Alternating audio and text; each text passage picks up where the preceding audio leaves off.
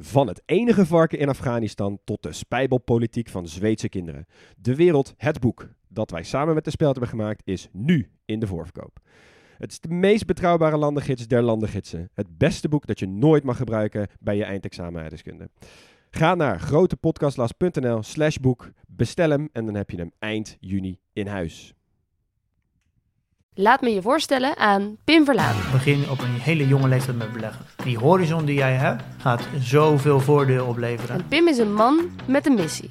Iedereen veilig en verantwoord leren beleggen. Als je echt iets wil leren, leer het van iemand die één stapje vooruit loopt. Hij legt je uit op welke manieren je kan beleggen. Elke bank heeft eigenlijk zijn eigen beleggingsfonds. Ik hou daar helemaal niet van. Op welke manieren je beter kan beleggen. En hij rekent je voordeel op de euro nauwkeurig uit. 192.000 euro minder rendement. Zelf leren beleggen. Niemand vertelt dit. Pim dus wel. In Jong Beleggen, de podcast. Nou, dat is toch fantastisch? Alright, mate. How you doing, son? Today on the Great Podcast Last, we're diving headfirst into jolly old England, a place that once ruled half the globe and now, well, just grumbles about the weather. Remember when we had an empire so vast that the sun never set? Now, when there is any sun, it's likely because we are abroad scrapping with locals on a stag do, we are topless in a stadium crying about it not coming home. So pour yourself a cuppa, grab a biscuit, and pull up your wellies because we're about to wade through the wonderfully sarcastic, always self deprecating, and occasionally stiff upper lip world of England. Tune in and prepare to chuckle, groan, and perhaps roll your eyes as we explore this post imperial nation with more layers than a British trifle.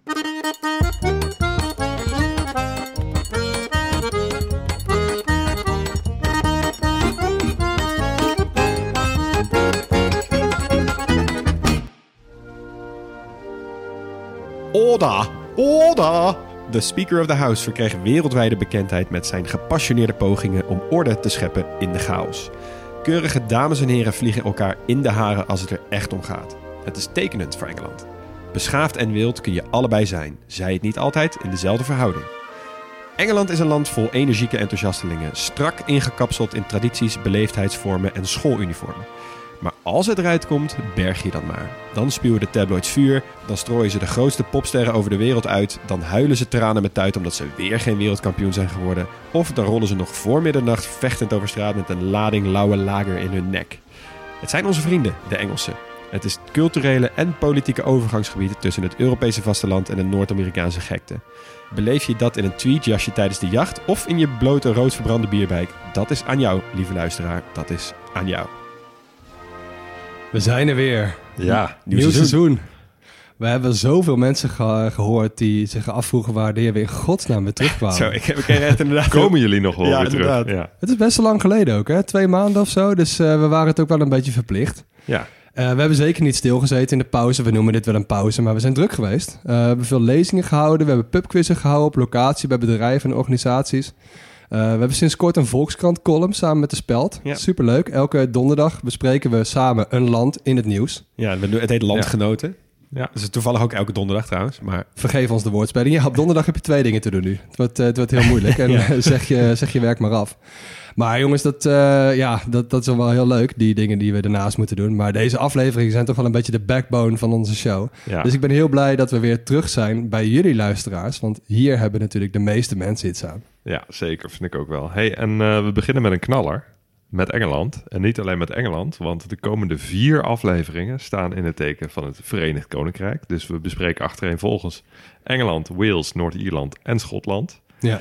Ehm, ja, we hebben best wel even gepuzzeld. Hè? Hoe moeten we dit land nou behandelen? Eh, uiteindelijk voor deze optie gekozen. Bij Engeland ontkom je er natuurlijk ook niet aan om af en toe wat, wat Britse dingen, hè, wat, Ja. wat overkoepelende dingen te bespreken. Maar we denken dat we op deze manier de, de vier landen binnen het Verenigd Koninkrijk toch wel het meeste eer aandoen. ja. Ze hebben zelf die categorisering gewoon gemaakt. Ja, en dat ze noemen zichzelf podcast wel handig. ja, ze noemen Ja. zichzelf ook countries, hè? De vier countries. Dus dit werkt voor ons ook wel prima op die manier. Ja. Ja, ja, precies. Ja, nou goed. Het wordt volgens mij een lange aflevering, dus laten we lekker deep diven in, eh, in Engeland. Ehm, eh, ja, even, even starten met de, met, met de standaardvraag. Zijn jullie, zijn jullie er wel eens geweest? Ja. Eh, Ja. Een keer of vier, vijf, denk ik. En, en dan eh, buiten Londen? Ja, maar niet zo heel veel. Newcastle ben ik wel eens een paar keer geweest, ook heen gereden. Eh, op de tribune gezeten bij Newcastle United. Ah, Nou nice. ik, ik mag die Britten altijd wel, maar Ja. ik heb niet bijvoorbeeld een, een roadtrip van drie weken door Engeland en Schotland gemaakt of zo. Oh ja. Nee. Ja, ik ken het zuiden best wel goed. Eh, als kind gingen wij daar met gezin gingen wij best wel vaak heen. Naar Kent en naar Cornwall en zo. Dus, dus een beetje dat deel. Het noorden eigenlijk helemaal niet. Ik ben een keertje in Manchester geweest, maar verder noordelijk van Londen eigenlijk vrijwel niet. Oh nee? Ja, ik heb, ik heb dus tweetalig eh middelbare school gedaan. En dan mocht je altijd naar Engeland. Tenminste, twee jaar achter elkaar gingen we dan naar Engeland. En dan gingen we altijd naar Somerset. En dan gingen we dan naar, eh, naar, eh, naar Cambridge en Oxford en naar Bath en naar eh, Stonehenge en zo. Daar ben ik Oh, allemaal ja. geweest. Mag je lekker achter in de bus, lekker Orda roepen. Ja, ja nou, dat, zover waren we toen nog niet. Toen was het gewoon even kijken waar het leukste meisje uit je klas ook weer zat. Eh, maar ik vind eh, eh, Engel- Engeland en de Engelsen sowieso. Engelsen vind ik altijd echt mijn allergrootste vrienden, ook als je op reis bent. Ik vind Ja. wij hebben echt precies dezelfde vorm van humor. Het, het klikt altijd heel snel. En dan heb ik het niet over die uh, stag party Engelsen die in Tallinn rondrennen, maar gewoon echt die, die, reizende, die reizende Britten. Daar kan ik al heel goed mee. Dus ik, was, Ja. ik had ook wel echt zin in, deze, in dit research. Ja, snap ik. Het beste vind je wel als je Engelsen ziet in gezelschap van Amerikanen. Dan heb je het beste aan ze. Wat dan? Want dan zijn ze je medestanders. Dan, Dan etaleren ze nog beter hun grappigheid, hun tactvolheid. eh, en maken ze de hele dag al die Amerikanen belachelijk. Ja, Ja, ja, Een paar keer ja. meegemaakt, is echt fantastisch. Ja, de Yanks.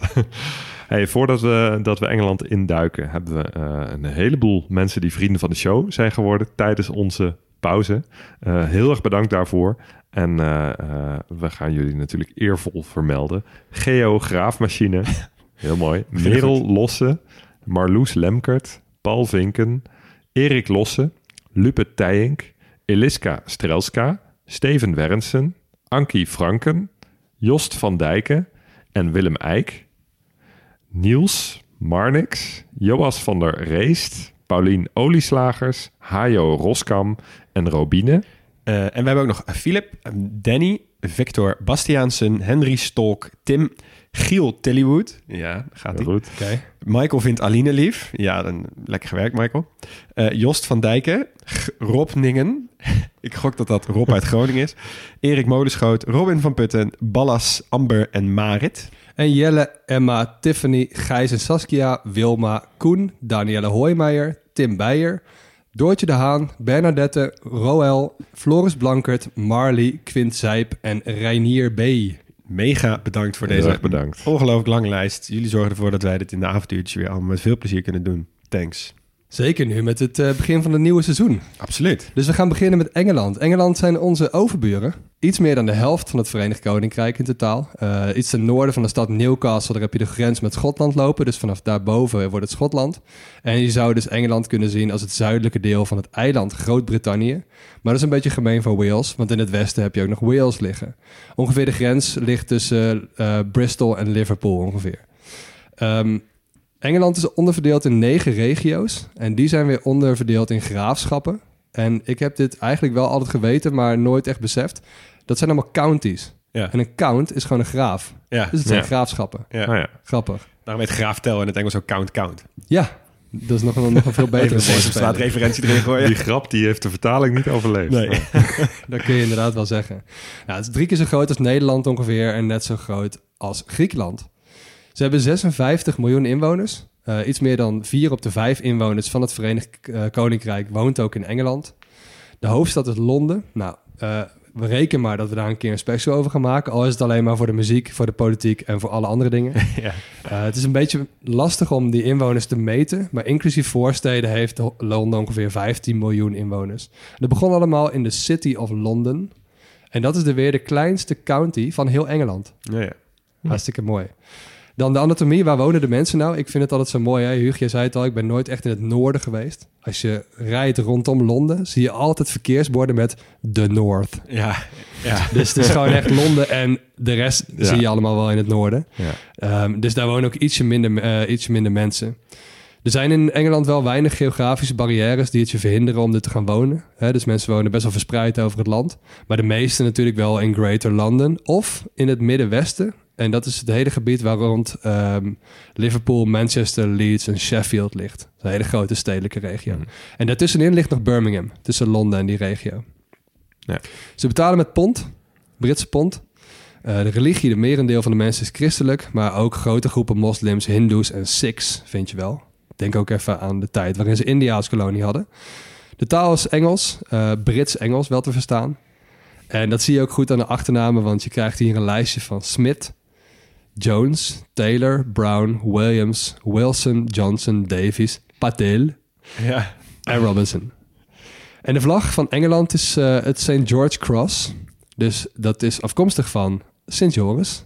Dezelfde persoon als eh, waar de vlag Georgië aan- een kruis aan te danken Ah, heeft. Ja, vijf kruisen ongeveer. Ze Ja. één kruis in het midden en Zij waren er iets fanatieker in, inderdaad. Eh, Catalonië, Sardinië en een hele hoop Noord-Italiaanse steden trouwens ook. En Amersfoort. En Amersfoort. Zeker.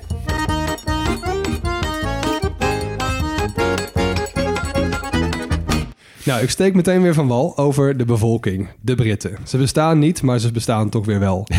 Eh, heel logisch hè, dat als je meer in een verstedelijk gebied komt, dan wordt de bevolking ook steeds diverser. Ehm, alle Engelse cijfers die zijn ook wel inclusief Londen, dus het vertekent een beetje.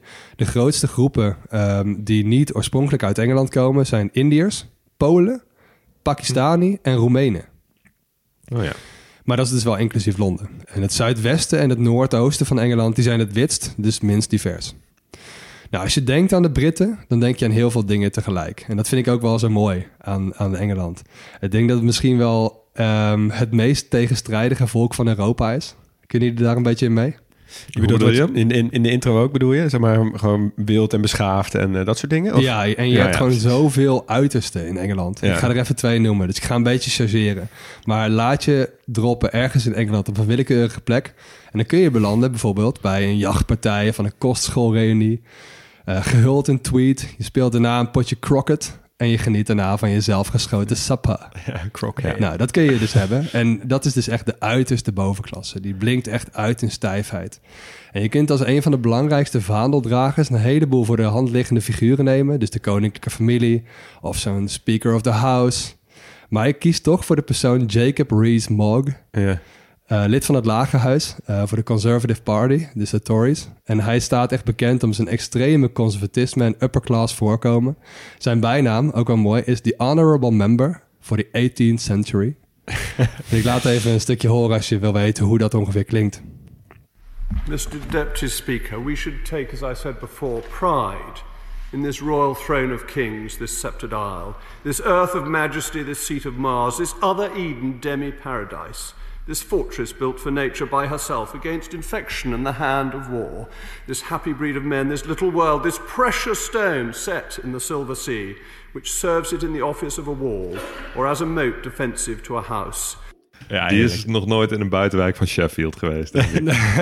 nee, dat denk ik ook niet. Eh, wat een heel mooi tipje is, hij wordt ook ergens begin deze eeuw wordt hij geïnterviewd door LG. Kijk, die van. Sacha Baron Cohen. Ali Ja, G? Oh, ja, dus zet hem sowieso even op de website. nou, je kunt ook gedropt worden in een achterstandwijk tussen de Chavs. Dat is eigenlijk de overtreffende trap van Cockney, hoe ze dat in Londen noemen. Dus de traditionele working class. En de Chavs, dat zijn nog wel ietsje erger.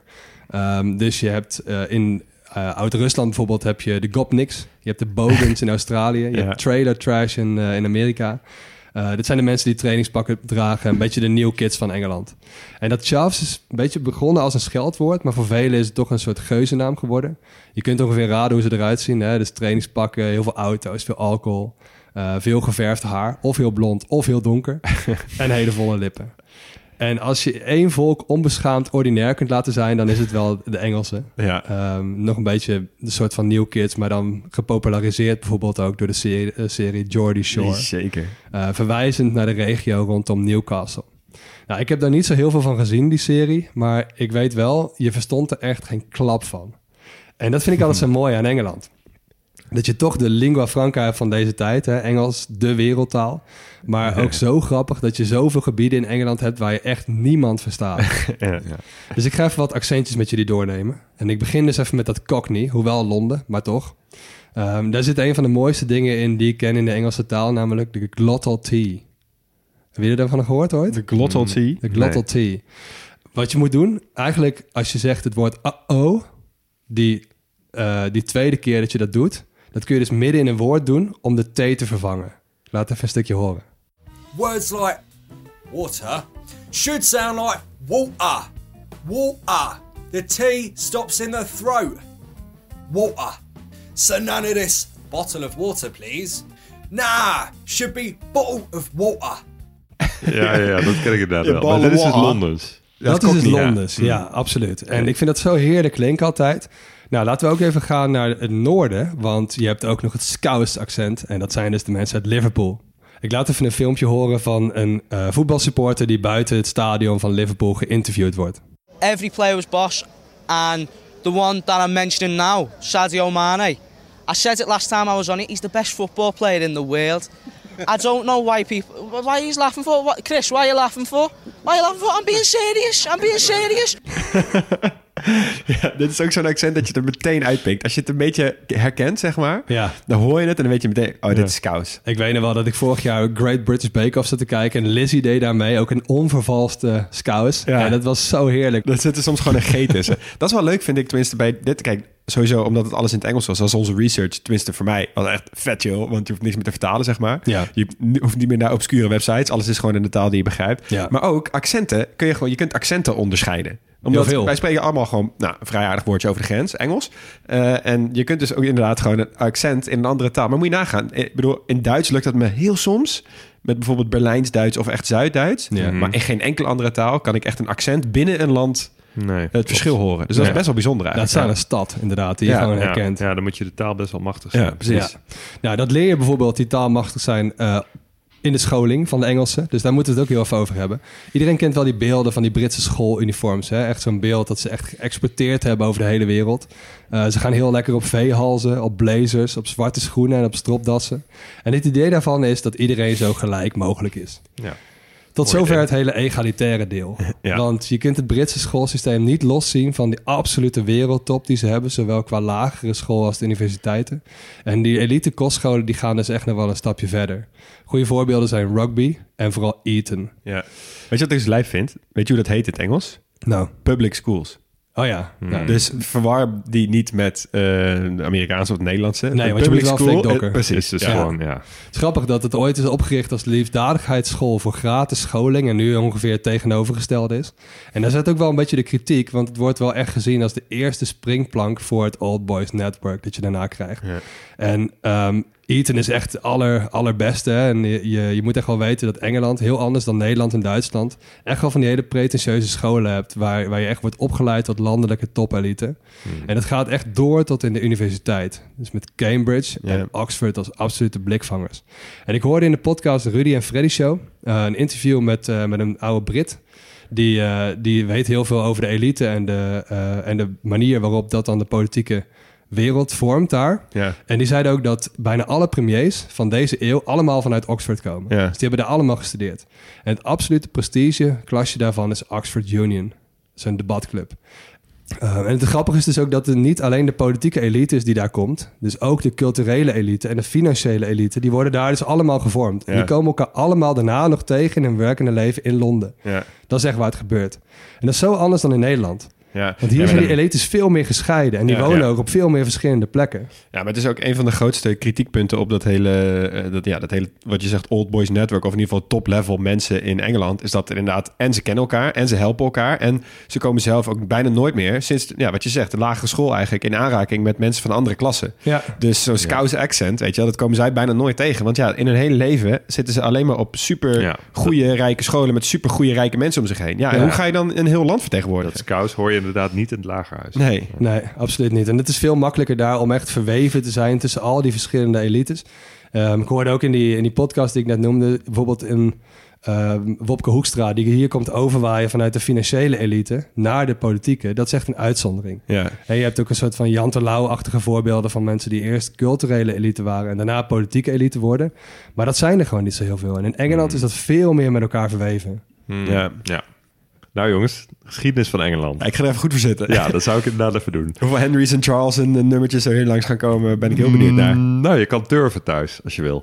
Ehm, nou, voor de geschiedenis van Engeland kun je best wel ver terug. Eigenlijk zo, zo ver terug als je wil, want het gebied is al heel lang bewoond. Gaan we vandaag niet doen. We gaan terug tot rond het begin van onze jaartelling.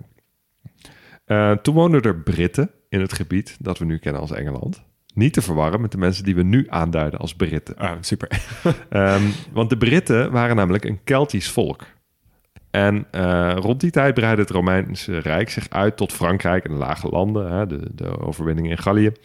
En het oog van de Romeinen viel ook op Groot-Brittannië. Caesar die probeerde in de eeuw voor Christus alles om eh, Groot-Brittannië te veroveren. Trok zich uiteindelijk terug.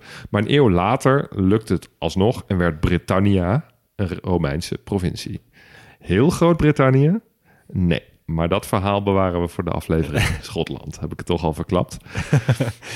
Eh, het grootste deel van Groot-Brittannië was dus een Keltisch-Romeinse provincie. En dat bleef het een paar eeuwen. Ehm, toen het Romeinse Rijk afbrokkelde, kreeg Groot-Brittannië ook steeds meer te maken met invallen van Germaanse volkeren in het zuiden en het oosten. En de bela- belangrijkste Germaanse belagers, dat waren de Angelen, de Saksen en de Juten. Dan weet je dus ook waar de naam Engeland vandaan komt. Van de Angelen dus. Ehm, ook naar de Saksen zijn veel dingen vernoemd. Denk aan de streken als Wessex, West-Saxen, Sussex, Zuid-Saxen en Essex, Oost-Saxen. En die groepen die worden vaak, en cultureel staat ook wel terecht, op één hoop gegooid en Angelsaksen genoemd. Kijk, Ah, check. Kijk, Heb dus je nu weet heel veel geschiedenisdocenten heel boos gemaakt door ze allemaal op één hoop te gooien? Of, eh, Mm, nee, de, nee, de wetenschap is het hier wel over eens dat het cultureel sterk verwante groepen waren. Ehm, allemaal Germaans, dus, Ja, dus ja, het check, is wel terecht dat dat gebeurt. verzoeken tot rectificatie mogen ter attentie van Hugo Norman. ja, precies. nou, ehm, die Angelsaksen die kwamen dus eh, eh, vanuit het, het vasteland en die veroverden stukje bij beetje steeds meer delen van het huidige Engeland. En de oorspronkelijke Britse bevolking die werd verjaagd naar met name Wales en Cornwall. En die woont daar nu nog steeds. Een deel eh, eh, zelfs naar Bretagne in West-Frankrijk. Weet je ook weer hoe dat deel van Frankrijk aan de naam komt. maar daar zijn dus de Britten naartoe gegaan. ja, oké. dus, Dus, de, precies, huidige ja. bewoners van Dus Engeland... Keltische zijn Britten die wonen in. Bretagne. Precies. Check. Ehm, dus de huidige bewoners van Engeland, dat zijn Germanen. Dat Ja. zijn afstammelingen van de Angelsaksen en niet van de Britten. Ja, oké. Ehm, aan het begin van de middeleeuwen werd het grootste deel van Engeland bevolkt door de Angelsaksen. En sindsdien is dat dus zo gebleven. Ehm, en die Angelsaksen, dat is nog even belangrijk, die bekeerden zich in die periode ook tot het christendom. Een belangrijk punt. Ja. Engeland was op dat moment nog niet verenigd, maar bestond uit allerlei losse Angelsaksische koninkrijkjes. En dat veranderde, zoals we wel vaak hebben gezien in de geschiedenis, door een buitenlandse inval.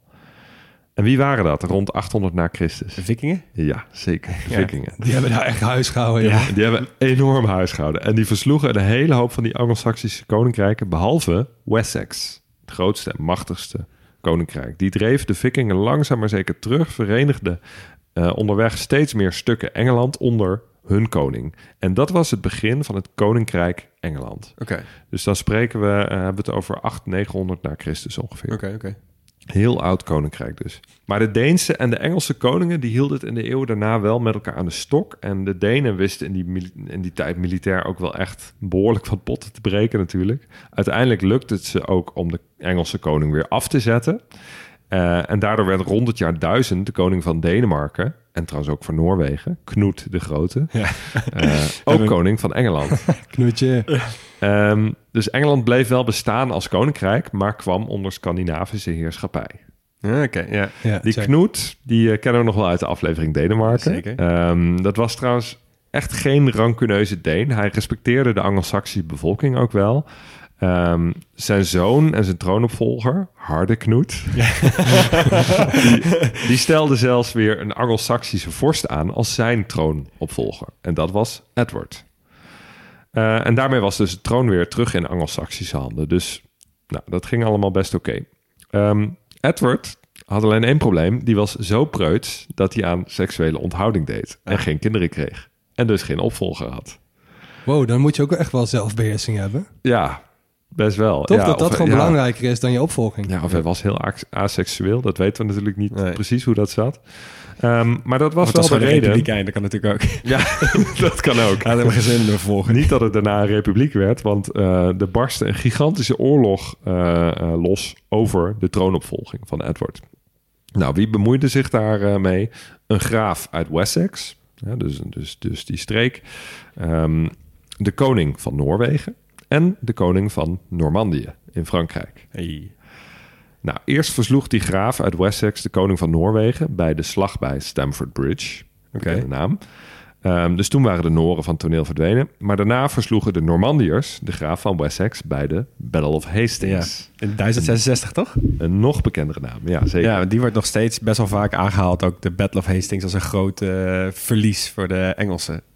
Eh, ja, zeker. Want wat gebeurde er? De Normandiërs die gingen met de overwinningen vandoor en leverden vanaf dat moment de Engelse koningen. In de 12e eeuw slaagden die Normandiërs er trouwens ook in om Ierland te veroveren. Dat is relevant omdat de paus vervolgens besloot dat de koning van Engeland, want Engels was, Engeland was een katholiek land, ook de heer van Ierland mocht worden. Dus Ierland werd eigenlijk door de paus gegund aan de koning van Engeland.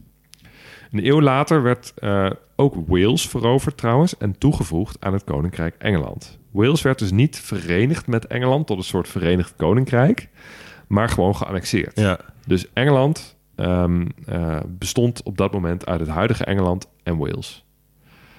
Ze probeerden dat ook met Schotland, maar dat mislukte. Ja. Nou, we spoelen even een paar eeuwen vooruit. Uh, wat je over die eeuw moet weten: het was voortdurend oorlog, uh, builenpest, oorlog, weer builenpest. En dat ging zo door. Klinkt als een leuke um, tijd om in te leven. ja, staatkundig veranderde er niet zo heel veel. Uh, het Koninkrijk Engeland, inclusief Wales dus, had steeds koningen uit verschillende huizen... die allemaal een sterke band hadden met de adel op het Europese vasteland. In de 16e eeuw staan we weer even stil... bij koning Henry VIII uit het huis Tudor, bekend huis.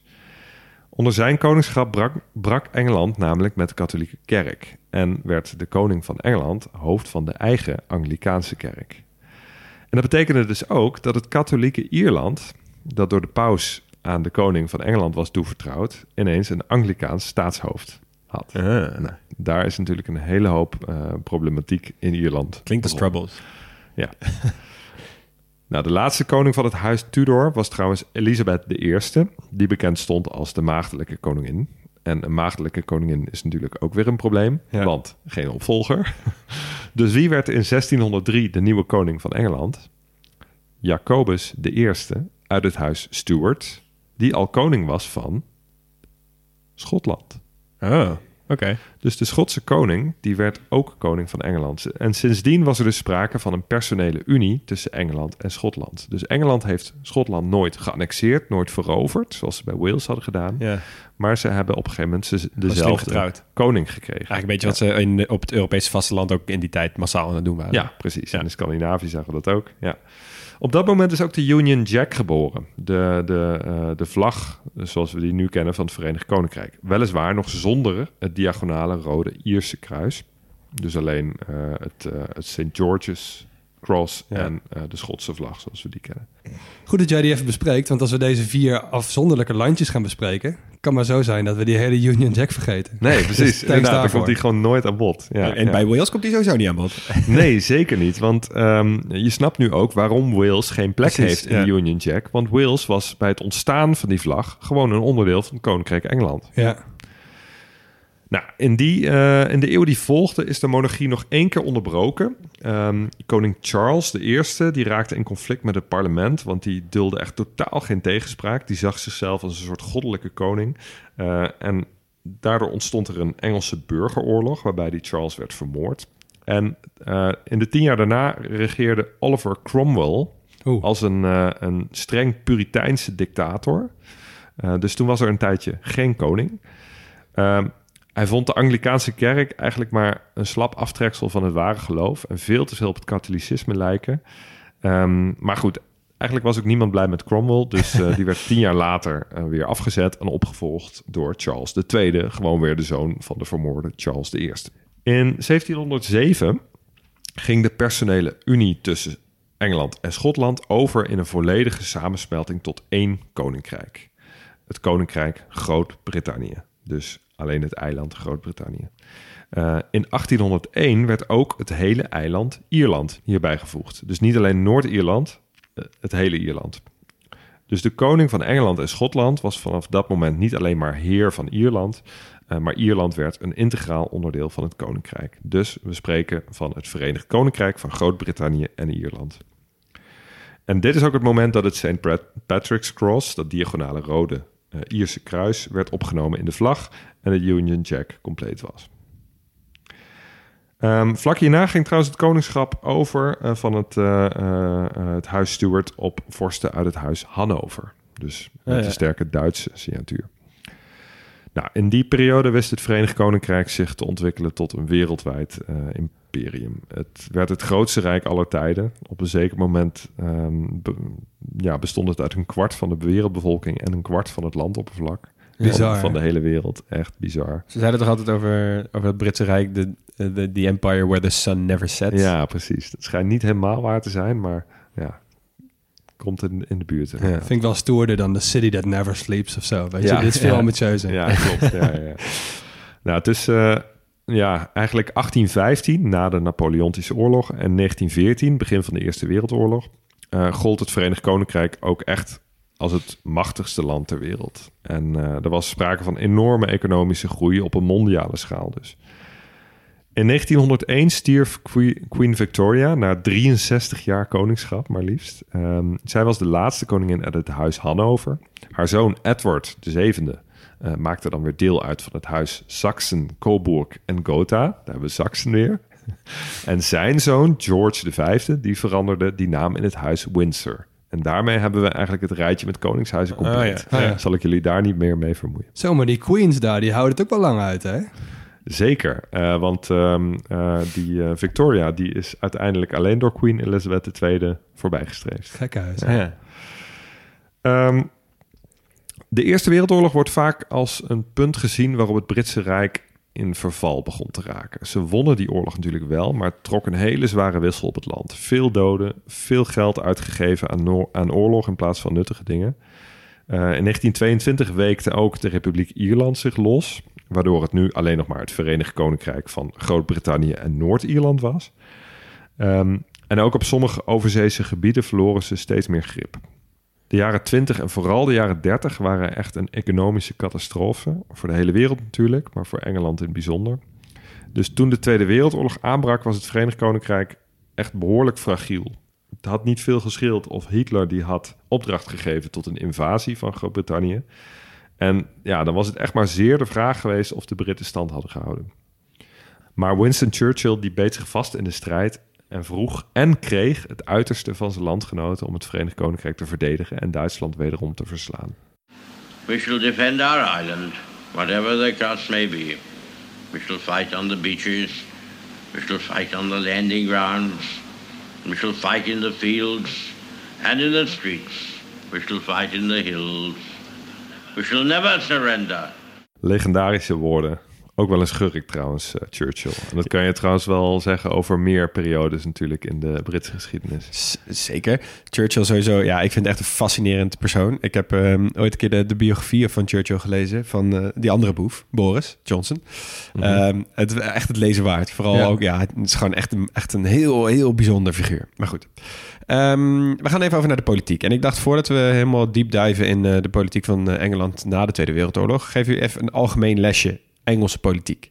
Want we hebben het de hele tijd gehad over het lagerhuis. Maar dat lagerhuis in Engeland, het is de House of Commons. En het woord zit hem eigenlijk in Commons. Want die 650 leden worden MP's genoemd, oftewel Members of Parliament. Die worden direct gekozen door het volk bij eh, verkiezingen. Eh, en die verkiezingen, eh, dat is ook weer een bijzonder systeem. Want dat is namelijk een zogenaamd first past the post systeem. Wat in het hele Verenigd Koninkrijk wordt gebruikt. Er zijn dus 650 districten, waarvan er 533 in Engeland. Eh, en elk district kiest één vertegenwoordiger voor het House of Commons. En degene die als eerste zeg maar, dat aantal stemmen haalt, of de meeste of zeg maar, die, die die haalt, die wordt ook gekozen. Dus er is geen coalitie, of dus als in Nederland, dat je met z'n allen stemt op een partij en dat ze dan in die partij de eerste 15 mensen of zo vertegenwoordigd worden. Nee, het is gewoon elk district wordt er één persoon gekozen, waardoor dus de kleinere partijen eigenlijk altijd een beetje het, eh, Buiten het- ja, buiten Want een kleine overwinning is wel de totale overwinning. Nou, exact. Nou, Ook al, ook win je met één stem meer, dan win je dus meteen. Dan weet Ja. die, heeft die ander heeft niks. Ja. Nou, de ene vindt het een fantastisch systeem, de ander vindt het wat minder. Maar goed, ehm, daardoor heb je wel vaak dat er dus twee partijen, Labour en de Conservatives, oftewel de Tories, in de afgelopen jaren vaak de overhand hadden. Daarnaast heb je het Hogerhuis, oftewel House of Lords. Je hebt de House of Commons, House of Lords. En dat House of Lords, dat is toch een raar middeleeuwse iets. Daaraan merk je wel echt dat het een oud land is. Want eh, op dit moment zitten er 781 mensen in de House of Lords. En er zitten eigenlijk drie soorten mensen in die House of Lords. Je hebt de eh, zogenaamde erfelijke peers. Ik noem ze even peers, want dat is het Engelse woord. Eh, dat was dus vroeger, had je dus iedereen die erfelijke titel had, die kwam dus uit, bijna automatisch een zetel in de House of Lords. Dus hertogen, markiezen, graven, burggraven, baronnen, die kregen gewoon een plek. Ja, dit is gewoon een soort verzamelterm voor de hele Britse adel, hè, die peers. Ja, ja, ja. Ja precies. Maar dus, vallen daar ook weer buiten en weer binnen. En je hebt gewoon heel verschillende soorten adel. Maar in ieder geval die, die ik net noemde, die, zijn dus, die hebben dus, hadden dus een plekje in de House of Lords. Dat is, dit erfelijke stukje zijn ze steeds verder aan het afbouwen, omdat ook de Britten wel zien, misschien is dit niet helemaal heel democratisch. Daarnaast heb je de zogenaamde levenspeers. Dat is op dit moment het merendeel van de leden. Dat zijn individuen die zijn benoemd vanwege hun expertise, bijdrage aan de samenleving of politieke diensten aan het land. Ehm, en als je dat krijgt, dan krijg je automatisch een zetel in de House of Lords. Wat Oh best ja. wel handig is. Oké. En daarnaast, en dit vind ik zo mooi, dit laat zo goed zien dat de staat in Engeland en de, ker- de kerk in Engeland niet gescheiden zijn, zijn er 26 zetels in de House of Lords gereserveerd voor bisschoppen van de Church of England. Oh, dat wist ik helemaal niet, joh. Dus die hebben Ja. gewoon direct een plek in die House of Lords. Ja. En die, moeten, die hebben in principe niet zo heel veel macht. Het is niet als de Eerste Kamer in Nederland. Ja, more or less wel, kan je heel diep op ingaan. Maar zij mogen wel eh, wetten al dan niet aanscheppen. Een beetje eh, aan die kant, zeg maar. Maar goed, ik vind het een, inderdaad een heel erg duidelijke nasleep van die British nobility. Ja. Ehm, goed, we gaan even terug naar de politieke geschiedenis. Want we hebben net de Tweede Wereldoorlog gehad. Overigens, de Engelse en de Tweede Wereldoorlog zijn fantastisch veel mooie verhalen over te verzinnen. we gaan daarvoor vooral naar andere podcasts. Eh, want wij gaan meteen na de Tweede Wereldoorlog. Want eh, dat was een van de grootste omslagen in de Engelse geschiedenis qua verkiezingen. Eh, de Conservatives, die verloren. Wat bijzonder was, want Churchill was daar de baas van. Eh, en Labour won. Ehm, eh, er zijn een aantal, er zijn heel veel redenen verzonnen waarom dit was. Maar eigenlijk was het, het voornaamste was dat Engeland lag in puin. Ze hadden veel geld nodig. En eh, kwam de Tories met een campagneslogan dat alles wat Labour wilde, dat je daarvoor eigenlijk een soort Gestapo moet invoeren om ze werkelijkheid te laten worden. En dat werd niet echt goed gepikt door het Engelse volk. Eh, dus de Labour heeft echt een extreme eh, eh, overwinning daar Ja, uit het vuur gesleept. Ja, echt een landslide inderdaad. En de nieuwe Labour-premier, Clement Attlee, en zijn Labour-regering waren verantwoordelijk voor best wel wat ehm, eh, nieuwe kanten van de Engelse overheid. En één daarvan is de moderne Britse verzorgingsstaat. Daar hebben ze echt de basis voor gelegd. En dan heb ik het over de NHS, de National Health Service. Iets waar heel veel Engelsen echt trots op zijn en ook echt een gamechanger was. Eh kom meteen een fun fact. Eh, de NHS Engeland is de grootste werkgever van Groot-Brittannië. En de tweede grootste werkgever is NHS Schotland. En de zesde grootste werkgever is NHS Wales. Oké. Sterker nog, NHS is de vijfde grootste werkgever ter wereld. Joh. Na, En, maar werken hier dan bijvoorbeeld ook eh, eh, verplegers en zo? ja, ja, juist. Oh, ja, ja, dus, dus gewoon het hele, het hele eigenlijk de, alle, het hele ja, zorgsysteem, zeg Maar maar. ook gewoon mensen die op de kantoren werken en zo. Maar het is gewoon een heel grote Ja, werkgever. precies. Ja, maar het is dus de vijfde grootste ter wereld. Dus, dus na het ministerie, Amerikaanse ministerie van Defensie, Chinese, volk, Chinese leger, Walmart en McDonald's. Dan heb je gewoon de NHS als vijfde. Ja, dat is Holy bizar, shit. toch? Ja. Maar goed, dus ja, ik vind hem wel, wel bijzonder. Eh, in de jaren daarna waren er nog meer dingen die Labour deed. Eh, ze hebben de Bank of England, de spoorwegen, heel veel zware industrie en de kolenmijnen eh, genationaliseerd. Ehm, maar net als in Nederland en heel veel andere landen in West-Europa verliep die economische wederopbouw echt heel traag. Er was een tekort aan woningen, basisbehoeften als brood werden gewoon gerantsoeneerd. Ik las zelfs dat er specifieke dingen in voedselransonering tot 1954 duurden. Dus negen jaar na het einde van de oorlog. Zo. Ja, echt Mhm. bizar. Eh, en eigenlijk was het gewoon zo dat ze overeind werden gehouden door Amerikaanse leningen en subsidies via het Marshallplan, eh, waardoor ze nog konden blijven leven. Ook zij. Ook zij, inderdaad. Ja, en tegelijkertijd eh, hadden ze natuurlijk mondiaal, moesten ze het flink afleggen. Want India, Pakistan, Burma, Ceylon, die kregen in 1947 hun onafhankelijkheid. En nog veel meer landen eh, die wij hebben besproken al, kregen toen hun onafhankelijkheid van de Engelsen. Wat natuurlijk een flinke knauw was voor het zelfvertrouwen. Ehm, maar ergens denk ik ook wel goed. Want ja, zoals onze luisteraars inmiddels denk ik ook wel van ons zullen weten... waren die Britten best wel boeven in de honderden jaren daarvoor. Eh, en je hebt ook zo'n zo'n legendarisch kaartje van eh, eh, landen die, zijn, eh, die niet zijn... ooit zijn binnengevallen of geregeerd door de Engelsen. En dat zijn echt maar twintig landen of zo. Ja. Ja. ja, ze gingen daar natuurlijk enorm tekeer in die koloniën.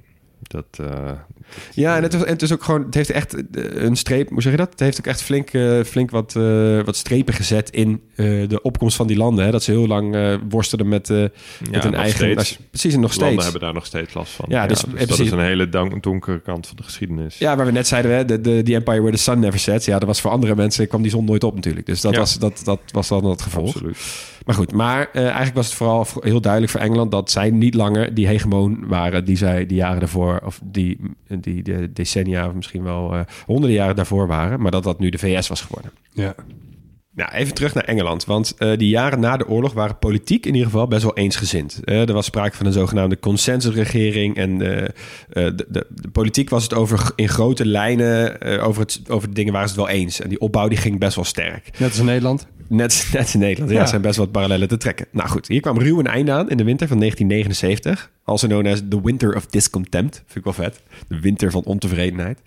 Eh, er was heel veel inflatie. eh, en de overheid, die toen Labour was, eh, wilde die terugdringen door de loonsverhoging in de publieke sector onder de 5% te houden. Labour, hè? Dus ja, moet je Mhm. nagaan. Dus dat, Ja. zij wilden de werkenden van de publieke sector iets minder laten verdienen. Nou ja, wat gebeurt er dan? dikke vet stakingen in onder andere de transportsector. En dat was in de winter. En dat zorgde dat de verlammende weersomstandigheden die er toen was... samen met die staking, dat er totale chaos was in Engeland... en dat echt iedereen Labour daar de schuld voor gaf.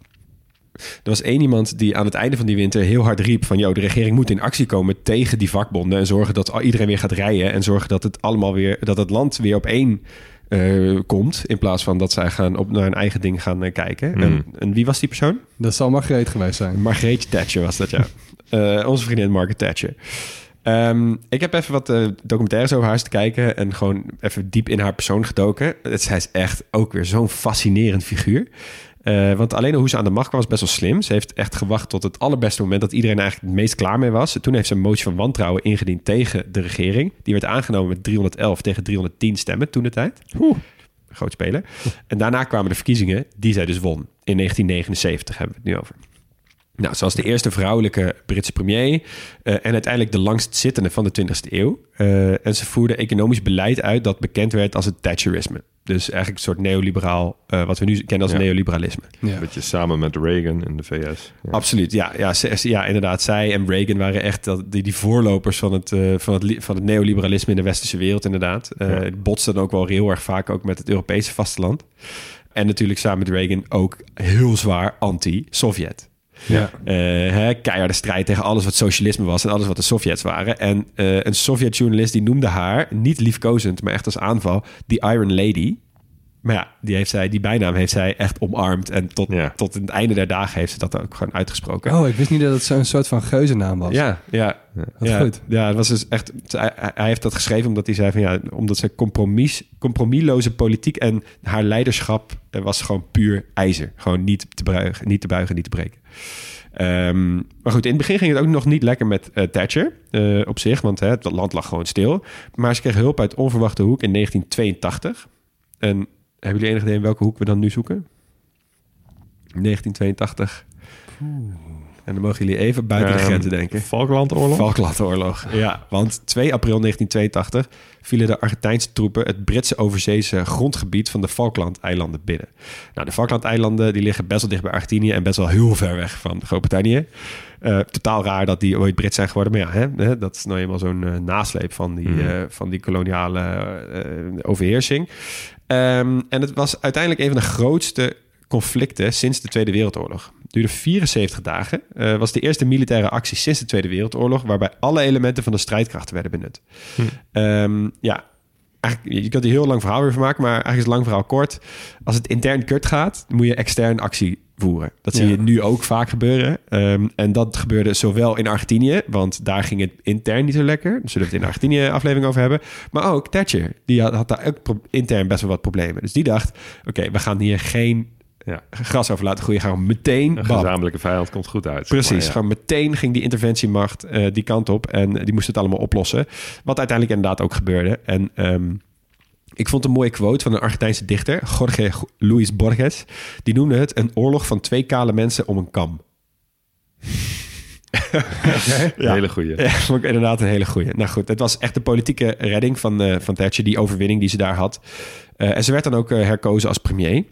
En die motivatie kon ze wel goed gebruiken om vervolgens even flink tekeer te gaan op de vakbonden. Want eind jaren 70, begin jaren 80 begon de industrie te krimpen, vertrok naar het buitenland. En uiteindelijk kwamen ze erachter dat die eigenlijk best wel ouderwets was die ze hadden daar.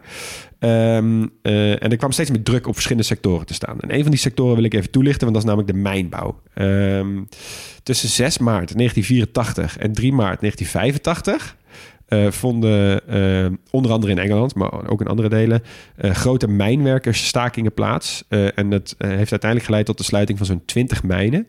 was echt behoorlijk ruig en harde arbeidersstakingen. Eh, er was zelfs, een, dat heet de Battle of Orgreave. Er waren 5000 mijnwerkers slaags geraakt met 5000 politieagenten. Zo. Ja, moet je nagaan. Dit is ook in de tijd dat de voetbal, voetbalhooliganisme eh, echt hoogtij vierde. Hè? Dat was gewoon de tijden volgens mij waarin heel West-Europa iedereen dacht... misschien moet het allemaal even op een andere manier gaan fixen. Maar Ja. goed, eh, eh, Thatcher die dacht... ik kan het het best breken door wetgeving en keihard optreden. En het lukte haar. Ze, bra- ze brak echt die macht van de vakbonden. Eh, en dat wordt haar in linkse ogen ook totaal niet vergeven. Ook niet toen ze in 1990 aftrad. En oh, helemaal niet toen ze in 2013 overleed. Want eh, toen braken er spontaan straatfeesten aan in plekken die, waar al die miners vroeger zaten, zeg maar. Denk inderdaad de Liverpools en de Manchesters van Mhm. deze wereld. Eh, met heel veel bier en disco. Dat was namelijk een muzieksoort die zij extreem haatte. En er werd heel hard gezongen The Witch is Dead. Wauw. oké. Oh. Helder, duidelijk. Dus ja, duidelijk. Nou, zoals ik al zei, eh, zij en, eh, en Reagan die botsten met het communisme, maar zij botste zelf ook nog wel eens met de, met de EU, want ze vond, het, eh, vond de EU ook niet altijd even, even interessant. Maar ja, pech voor haar was het Verenigd Koninkrijk in 1973 al toegetreden. Ehm, eh, en dat is het ook gebleven. Ja, tot en met, eh, nou, laten we zeggen, het Brexit-referendum van eh, 2016. Want daar wil ik het nu even over hebben. Want dat was een, ja, Mm. een campagne, die kunnen we denk ik allemaal nog herinneren. Tenminste, voor mij was het echt een plek waar ik nog weet toen ik hoorde waar ik was. Ik was in Kroatië toen ik het hoorde. Ja, ik was op werk. En nie- nie- niemand gaf een fuck om. ik dacht echt van, wat gebeurt hier? Ik, ja, ik wil bijna naar huis gaan. ja, ja, ja, ik wilde, want ik was toen ook al bezig met campagnes. En wat ik heel interessant vond, is de campagne van Nigel Farage en Boris Johnson, eh, die Brexit-campagne. Wat zij hadden is eh, de zogenaamde Take Back Control campagne. Dat is een hele sterke slogan, want het impliceert dat je iets kwijt bent geraakt. Ja. En als mensen iets verschrikkelijk vinden, is het iets kwijtraken. Mensen vinden het erger om iets kwijt te raken dan om iets te krijgen. Ja. Eh, en dat hebben ze gezegd. En er was een, een bedrag wat steeds rondging, namelijk de 350 miljoen pond, wat ze per week stuurden naar Europa. Wat uiteindelijk dikke bullshit was, want eh, eh, dat was niet wat je alleen gaf. Je kreeg ook heel veel dingen terug en het was niet dat bedrag en er konden heel veel dingen vanaf. Nou goed, die 350 miljoen pond. eh, de dag van de verkiezingen hadden ze onderzocht dat 80% van de Britten dit cijfer kende.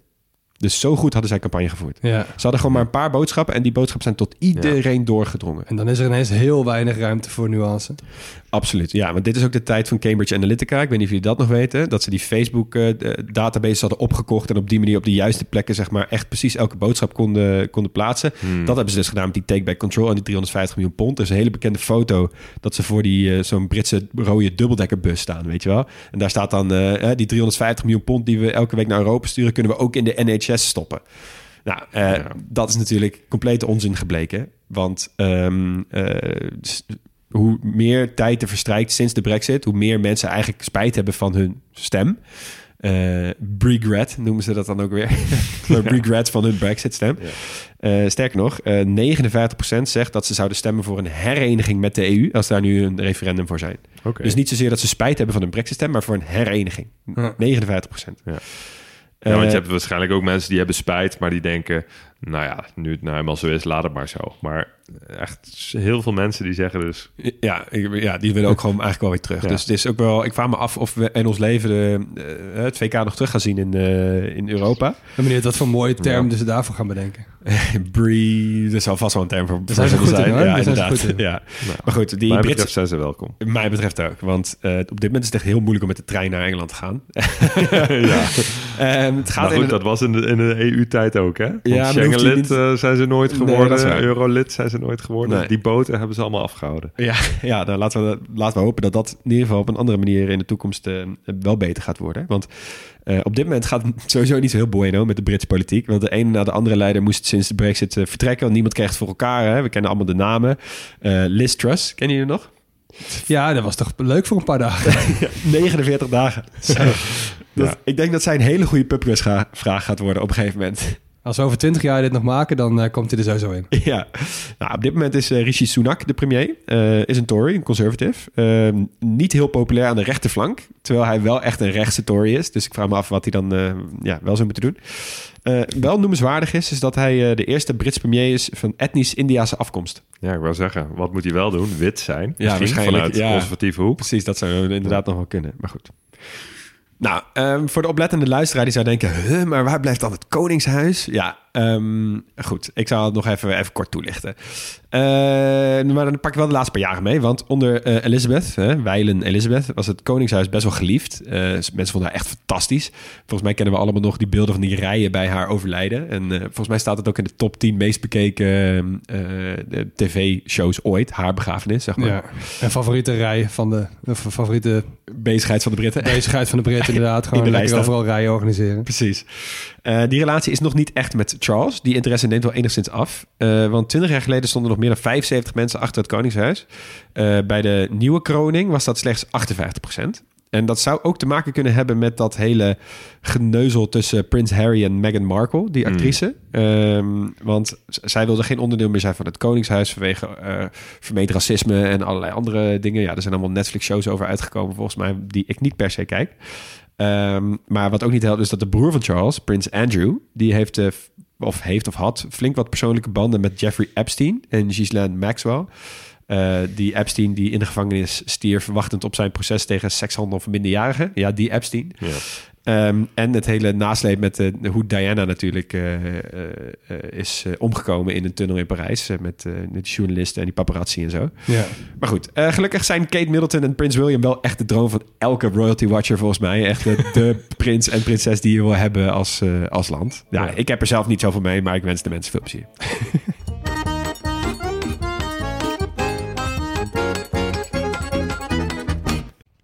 Stop de podcast. Je vakantiegeld komt eraan, dus het is tijd om jouw reis te boeken. En onze sponsor van vandaag heeft een dikke kortingscode. En die sponsor van vandaag is Sawadi, niemand minder. Dit is een reisorganisatie en vakanties zijn natuurlijk duur, dus dit aanbod is extra interessant deze tijd. Ik vind dat altijd een mooie organisatie, Sawadi. Ja, ja ik ook wel. En Ja. ze bieden verschillende soorten eh, groepsreizen aan. Eh, en vandaag gaan we het even hebben over die ze aanbieden aan de 22 tot 35-jarige backpackers. En dat zijn over het algemeen mensen die wel wat meer willen weten over het land dat ze bezoeken. En dus niet zomaar van A naar B die hotspots aflopen, busje in, busje uit. Ja, en het zijn ook mensen die het vaak leuk vinden in een groep eh, te reizen. En eh, die groepen die blijken ook heel snel vriendengroep te worden. Zowel tijdens de reis als daarna. Eh, mensen komen vaak nog heel, veel, heel vaak met elkaar terug, spreken af om te meeten en zo. En je kunt dus ook echt naar heel veel plekken op de wereld. Populair zijn op dit moment plekken als Zuid-Afrika, Marokko, Jordanië, Colombia, Nepal. Eh, maar bijvoorbeeld ook plekken die normaal gesproken niet altijd makkelijk te bereizen zijn voor, ik zeg maar wat, alleen reizende vrouwen. En dat zijn dan bijvoorbeeld plekken als India. Ja, en ze werken natuurlijk samen met lokale organisaties, niet met de grotere hotelketens. Eh, ze eten bij locals, eh, lopen rond met mensen die heel veel kennis hebben over de lokale gang van zaken. En daar komt de kortingscode om de hoek kijken. Want als je nu een 22 tot 35ers reis boekt, krijg je 100 euro korting met de code TGP100. En die code is geldig van 1 mei tot 16 juni. Ja, dus je moet wel een beetje op tijd boeken, maar hey, 100 euro korting op zo'n reis. Dan moet je kijken dat- wat je er allemaal mee kan ik doen. zou dan toch altijd even proberen om DGP 200 in Ja, te voeren. ja, ja, ja, dat ja. ik misschien. Ja. Ja, ik- Anyway, 100 is ook al super mooi. Zeker. En bij Sawadee, het reizen is heel makkelijk. Er is heel veel keuze en het is dus ook heel gezellig. Sawadee, met wie ga jij op reis? Terug naar de podcast.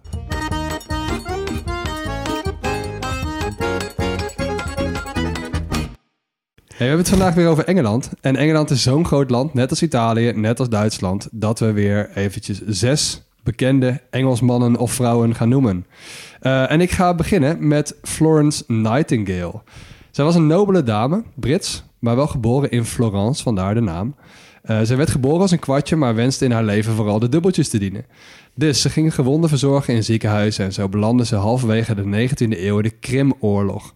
En daar werd een belangrijke grondlegger voor de moderne wetenschap en statistiek. Je vraagt je af hoe? Puur door te meten. Ze ging alles opschrijven, maakte echt dagen van 20 uur per dag. Ze merkte dat haar ziekenhuis niet per se de zwaarst gewonde soldaten kreeg, maar dat ze wel het meeste doden vielen. En toen bevestigde haar cijfers haar vermoeden. Het lag niet aan de wonden, maar aan de hygiëne. Dus ze ging grafieken en diagrammen maken om haar bevindingen in kaart te brengen en om zo beleid in ziekenhuizen te veranderen. En liet de sterftecijfer dus dalen van 40% naar 2%. En dat maakt haar tot een van de grondleggers van de evidence-based medicine, de statistiek in de geneeskunde. En bedenk even hoeveel levens ze daarmee indirect heeft gered. Zo. Wist ik helemaal niet. Nee, Oké, ik ook niet. goeie.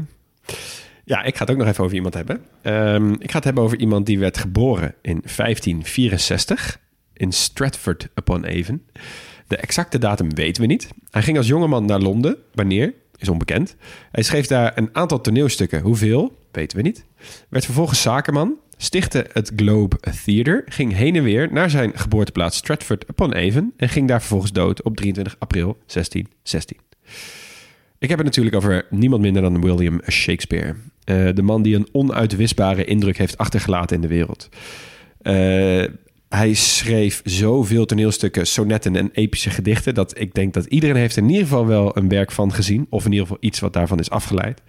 Ik noem een Macbeth, ik noem een Romeo en Julia... ik noem een Hamlet, ik noem een Othello, ik noem een King Lear... Eh, wat quotes van de beste man. To be or not to be, that is the question. Of all the world's a stage and all the men and women merely players. Eh, en de derde die vaak wordt herhaald, die ik ook wel lekker vind. A horse, a horse, my kingdom for a horse. Ehm, Shakespeare staat in veel woordenboeken als de uitvinder van woorden. Maar de kans is groter dat hij gewoon een van de eerste was die veel woorden heeft opgeschreven. Een aantal woorden die aan hem te danken zijn, zijn bijvoorbeeld bedroom, excitement, generous, informal, lonely, manager, satisfying, useful en swagger. En wat ik heel vet vind, is dat hij dol moet geweest zijn op het voorvoegsel un, un, omdat hij meer dan 300 woorden die ermee beginnen heeft gecreëerd of een nieuwe betekenis heeft gegeven. Denk dus aan woorden als unaware, uncomfortable, undress, Ja. unreal. Dan gaat het hard. En dan gaat het hard. Ja. Dus als je hem eh verkoten en de biel wil noemen van zijn tijd, dan eh, mag dat van ons. Alright. Ik mag het met jullie hebben over Charles Darwin in dit eh, intermezzo. Ehm, Charles Robert Darwin, ja, die behoeft eigenlijk geen introductie. Maar wat ik niet wist, hij is autodidact. Eh, dus niet iemand die na jaren studie en onderzoek ergens op is gepromoveerd en dat verder heeft uitgebouwd. Ehm, hij was wel van jongs af aan geboeid door de biologie. Hij begon in de voetsporen van zijn vader, een studie medicijnen. Alleen hij kon niet tegen bloed. Eh, en hij vertoonde dus allerlei studieontwijkend gedrag om maar geen practica te hoeven doen. Hij ging dieren opzetten, volgde lessen anatomie en taxonomie. eh, maar was ook heel geïnter- geïnteresseerd in geologie. Nou, zijn vader vond die hobby's allemaal maar niks en schreef hem in voor een opleiding theologie.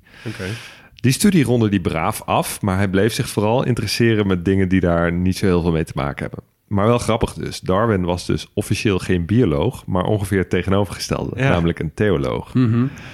Wat ik ook niet wist, was dat Darwin pas 22 jaar was toen zich een uitgelezen mogelijkheid voordeed. De HMS Beagle vertrok naar Zuid-Amerika om kaarten te maken. En de kapitein zocht nog een natuuronderzoeker die hem gezelschap kon houden.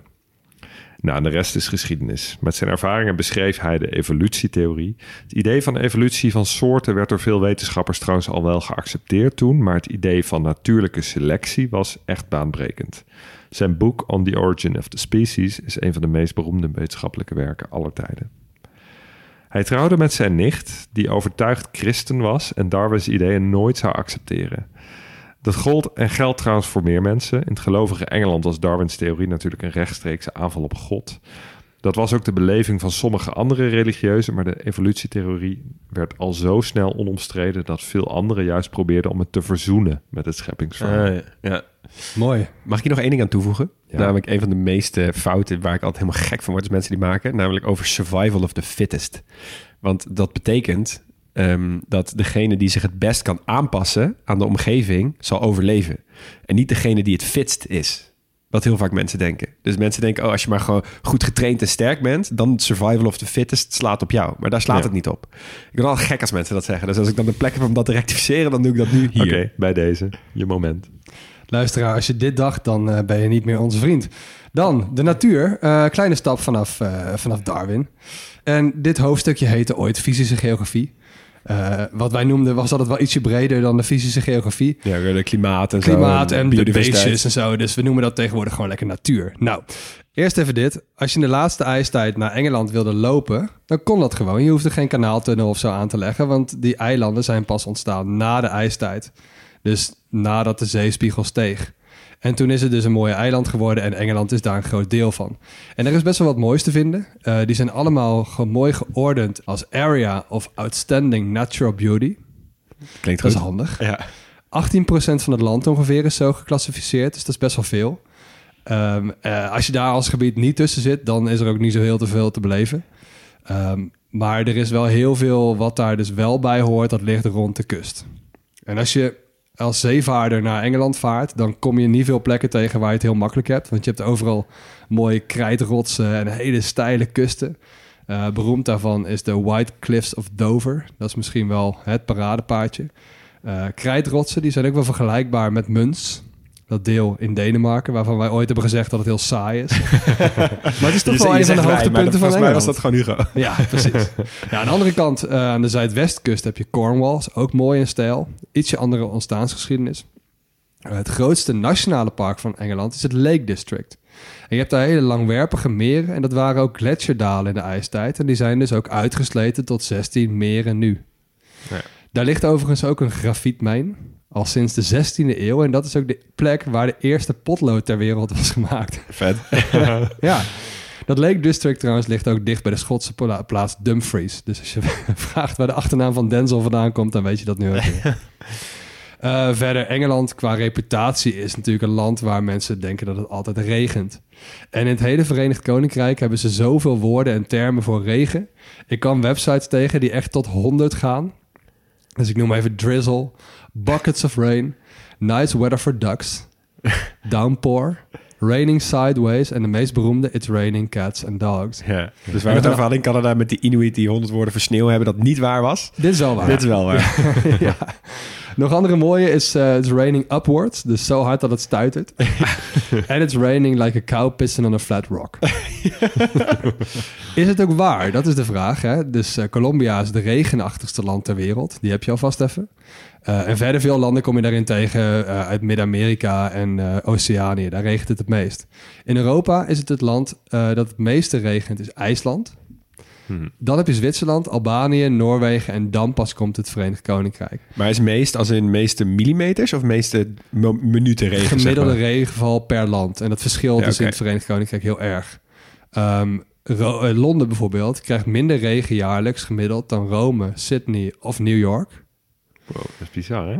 Maar gemiddeld valt er in Engeland op zich best wel wat regen, maar niet zoveel als dat je denkt. Het mooie is wel, Engeland heeft ook een Guinness Book of Records ehm, vermelding voor de meeste tornado's per eh, vierkante kilometer. Maar Engeland is natuurlijk geen land. Ze zijn deel van een groter land, het Verenigd Koninkrijk. En als je het echt over onafhankelijke landen hebt, dan is er één land dat boven ze staat. En dat is Ierland? Nederland. Ah, super.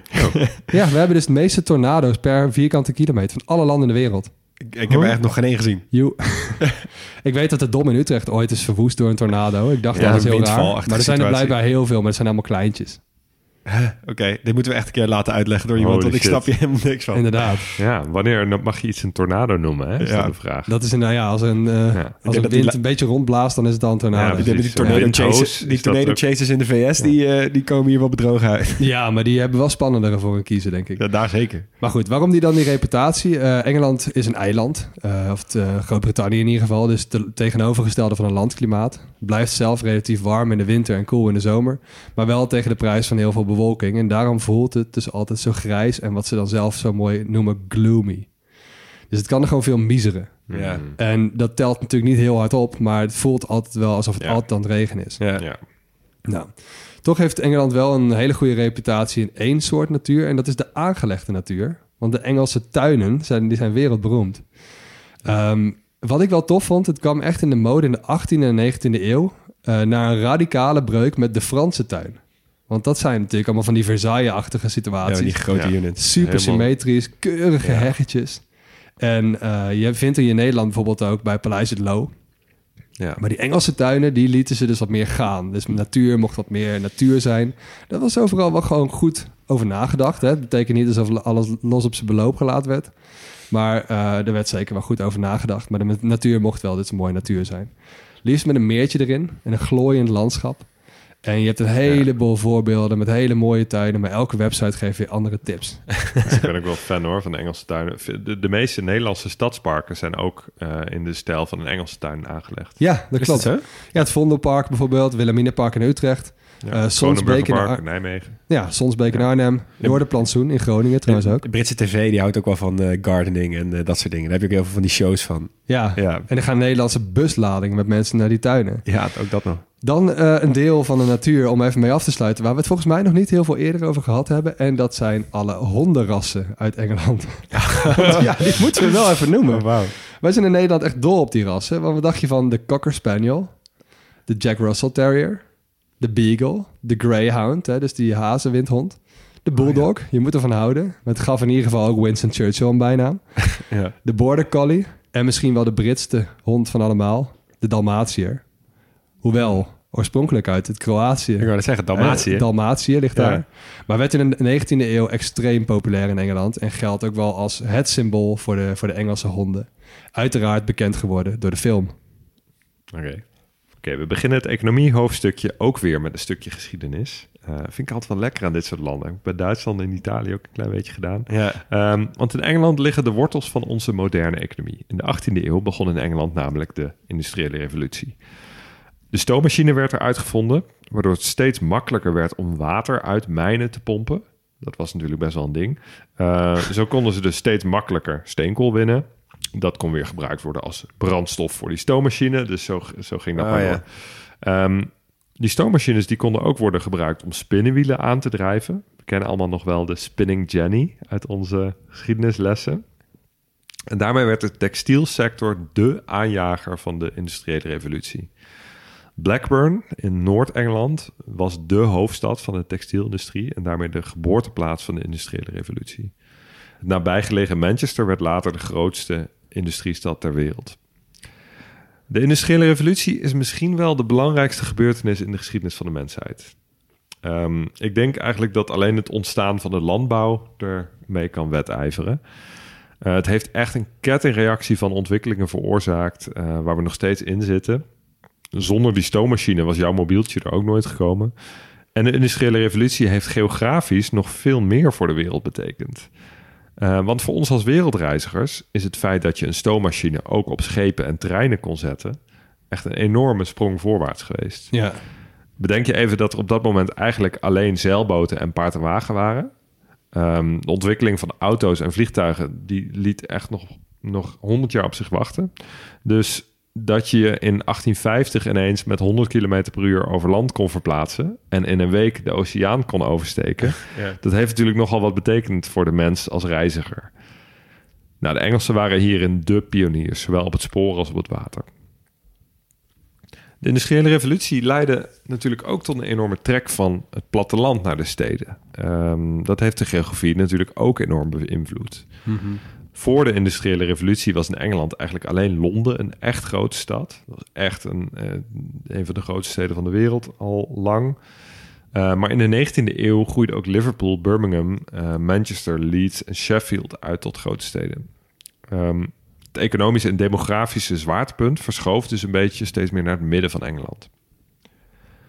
Nou, die verstedelijking was niet alleen goed nieuws natuurlijk, want woonomstandigheden waren slecht en werkomstandigheden waren nog slechter. Zo, ja, zeg dat. Um, met de industriële revolutie ontstond er ook een stedelijke arbeidersklasse. En dat heeft ook het politieke landschap in de eeuwen daarna bepaald. En ze hebben toch ook Ja. wel eens becijferd, ook gewoon dat buiten oorlogstijd, dat de, zeg maar Manchester of zo in vroege decennia van de 19e eeuw, dat dat gewoon objectief de allerslechtste plek in, Ja. de, in de hele geschiedenis was om te, om te wonen. Ja, Ja, ja. dat geloof ik. Het Dat was je- ook, ja, Dat je echt een duikvlucht maakt ook in de de zo. levensverwachtingen. Ja, klopt. Die cijfers zijn echt bizar. Gekhuis. Ja, nee, het- het- je had ook inderdaad dat vaak de benedenstad, dat waren de, de armere delen van de stad, want daar stroomde de, het, het open riool gewoon naartoe. Ja. Eh, in Engeland zie je ook vaak dat het oosten van steden, dus vaak de arme kant en de west, het westen de rijke kant. Hoe komt dat nou? Omdat eh, de heersende windrichting is, komt uit het westen, dus westenwind. Dat betekent dat je in het oosten van de stad heb je die smerige lucht van al die fabrieken Oh ja. en het westen was relatief bizar. schoon. Nou, dat soort shit. Wauw. Ja. Ja, Maar goed. inderdaad, je moet ook niet vergeten dat nog een stapje verder dat het hele, eh, de, de, de hele werkende klasse en de niet werkende klasse ook weer heeft geleid tot ziek grote politieke verschillen. Dus Nou. die, die socialisme en zo, ja, dat komt echt puur ja. hierdoor. Ehm, ja, inderdaad, het politieke landschap in de eeuw daarna is echt hierdoor eh, ontstaan door de industriële revolutie. Ja. Want ja, op een gegeven moment kregen die arbeiders ook stemrecht. Of pleegden ze zelfs ergens een revolutie in de wereld. Ehm, en dus werd het een groep om rekening mee te houden. En nou, we hoorden in het politieke stukje van Leon al hoe achtereenvolgens Labour, Thatcher, Farage en Johnson die groep en hun nakomelingen voor zich wisten te winnen. Het blijft natuurlijk paradoxaal hoe de arbeidersklasse eigenlijk steeds rechtser is gaan stemmen. Ehm, want ja, de onvrede van de arbeiders wordt nou niet per se veroorzaakt door slecht beleid van de mensen op wie ze eerst stemden, maar vaker gewoon door de algemene verschuiving van de industrie naar landen met lagere lonen. Ja. Ehm, en dat proces zorgt niet alleen in het Verenigd Koninkrijk nog steeds voor heel veel onvrede en is nu vooral een voedingsbodem voor rechtsnationalisme. Ja, dus precies wat, wat, zeg maar, wat Thatcher eh, heel graag wilde, namelijk vermarktelisering, liberalisering. Dus hè, iets voor, wat- laat het maar aan de markt over. Die markt heeft vervolgens bepaald dat het goedkoper was om t-shirts te laten maken in Bangladesh en in Sheffield. Ja, Dus raakten de mensen in Sheffield hun baan kwijt. Ja. Maar stemmen nog steeds ja, ja. op conservative. Maar goed, het conservatisme spreekt natuurlijk wel aan gewoon bij mensen die terugverlangen naar een economie die niet meer bestaat. Ja. Ja. en ook gevoelsmatig. Ja, dan ga je cultureel gezien ook super conservatief stemmen. Hoewel economisch gezien Ja. je niet altijd de keus maakt die eh, best past bij jouw portemonnee. Nee, Klopt. exact, ja. interessant. Ehm, er zijn trouwens ook genoeg mensen in Engeland die wel enorm hebben geprofiteerd van de economische veranderingen van de laatste decennia. Want ja, natuurlijk vooral in en om Londen is de zakelijke dienstverlening natuurlijk echt booming. Maar dat bewaren we voor de aflevering Londen. Dat is lekker hè, aan het onderzoek. Ja. Dat je sommige dingen gewoon zo woep, over de Doe gewoon alsof Londen niet bestaat. Ja. Dan nog even naar de valuta. Het Britse pond sterling. Eh, daar hebben de Britten altijd stevig aan vastgehouden dus. Ehm, ook binnen de Europese Unie. Eh, wat ik niet wist over het Britse pond... is dat het tot 1971 geen gebruik maakte van het decimale stelsel. Die moet je even uitleggen. Het pond was toen dus nog niet verdeeld in 100 penny, 100p. Ehm, in plaats daarvan was het pond onderverdeeld in 20 shillings. En de shilling bestond dan weer uit 12 pence. Oh, dat is zo'n dezelfde moeilijke meeteenheid als ze hem hebben met stone en Ja, miles. en zo. precies. Ja. Oh, ja. Totaal onhandig vanuit ons decimale perspectief. Eh, iets kostte bijvoorbeeld 1 pond, 3 shilling en 5 pence. En dat staat tegenwoordig gelijk aan 1,17 pond. ja. Ja. nou hebben Britten natuurlijk inderdaad op, op heel veel vlakken eh, een handje van gekke maten. Stopcontacten, linksrijden, inches, feet, miles, ounces, pints, gallons. Ehm, dus soms denk je van had Napoleon eh, de Engelsen nou toch maar te pakken. Ja. ja, ik vind dit altijd zo fantastisch. Dat die, je hebt heel veel Britten en ook heel veel Amerikanen die zo, zo boos zijn op het feit dat zij nooit de metric system ooit gaan gebruiken. Waarin Ja. je makkelijk alles door 10 kan delen. En die, die, die lepelen dan ook een lijstje op van dingen die je moet omrekenen. Maar het is altijd Inch met en een of andere zo. gare gulden snede of zo. Ja. veel. Maar het ja, zijn ja. gewoon dingen die je in je hoofd gewoon niet kunt omrekenen. Ja, nee. Zo debiel. En het ergste is ook, waarschijnlijk gaan mensen het nu, is de wereldeconomie zo groot geworden, is het ook heel moeilijk om het te gaan veranderen. Ja. maar ja, met de pond is het dus wel gebeurd. Ja. Uiteindelijk. Beter gaan we Dus dit gewoon doen. Wie weet. Ja. Ja. Ja, dan mag ik nog even wat vertellen over toerisme. En Hugo, wat jij had bij eh, economie, dat heb ik hier ook bij toerisme. Want ik mag ook gewoon weer een klein geschiedenislesje starten. Want eh, toerisme, er was natuurlijk altijd wel een soort van toerisme, maar dat begon eigenlijk voor het eerst echt te ontstaan in de 17e eeuw. Eh, toen begonnen rijke Europeanen die wat meer vrije tijd hadden, een zogenaamde Grand Tour door West-Europa. En die begon traditioneel in het Verenigd Koninkrijk.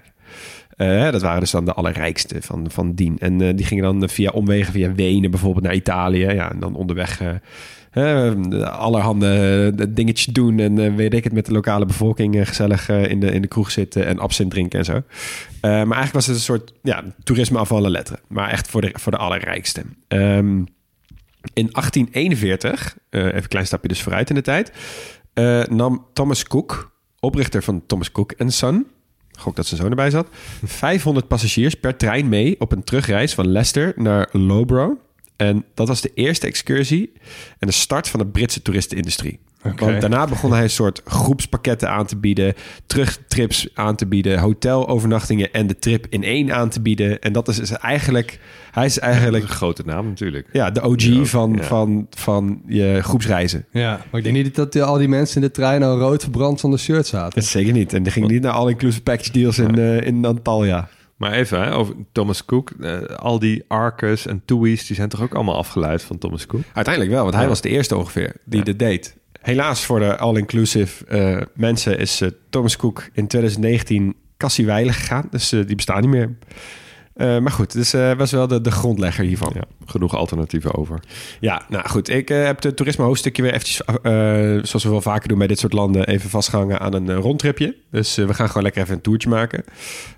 Ik zou zeggen, ga met de trein waar je kunt. Want wajo, dat landschap en die treinen en die klassieke stoomlocomotieven en weet ik het wat je allemaal nog meer hebt, is echt prachtig. Ja. Eh, dat, je wil gewoon het landschap zien van Engeland. Het is En daar het is een zo go- mooi. Goede dekking ook. Ja, je kunt overal met de trein heen Precies. komen. Ja, de trein is niet altijd even betrouwbaar en heeft vet vaak vertraging. Het is ook niet heel goedkoop, maar als je gewoon op tijd boekt, dan eh, ben je heel blij. Ja. En het bussysteem is vrij goed. Het bussysteem is inderdaad ook vrij goed. Je hebt heel veel lange afstandsbussen met de National Express, Megabus en Flixbus en zo. Die, die hebben daar ook allemaal dingen. Allemaal naar de Noord. Allemaal naar de En Noord. maar zien waar je eindigt. Ja, maar echt, ik zou inderdaad, als je in Engeland gaat reizen, ik zou, zeg maar, los van het feit dat vliegen in Engeland sowieso idioot is, is het ook gewoon zonde. Want dat land is gewoon zo mooi om te zien. Eh, maar goed, dat ga ik nu eventjes illustreren. Eh, we beginnen in Dover. Eh, want zoals Max net heeft verteld, dat is toch wel het paradepaardje, die Cliffs of Dover. Ja, daar kom je toch vaak aan ook. Precies, kom je toch vaak aan. En dan ga je vervolgens met de treinbus langs het prachtige Canterbury Cathedral. Via de oostkust zijn we nu. Gaan we omhoog richting Cambridge. Nou, Cambridge kennen we natuurlijk van de universiteit.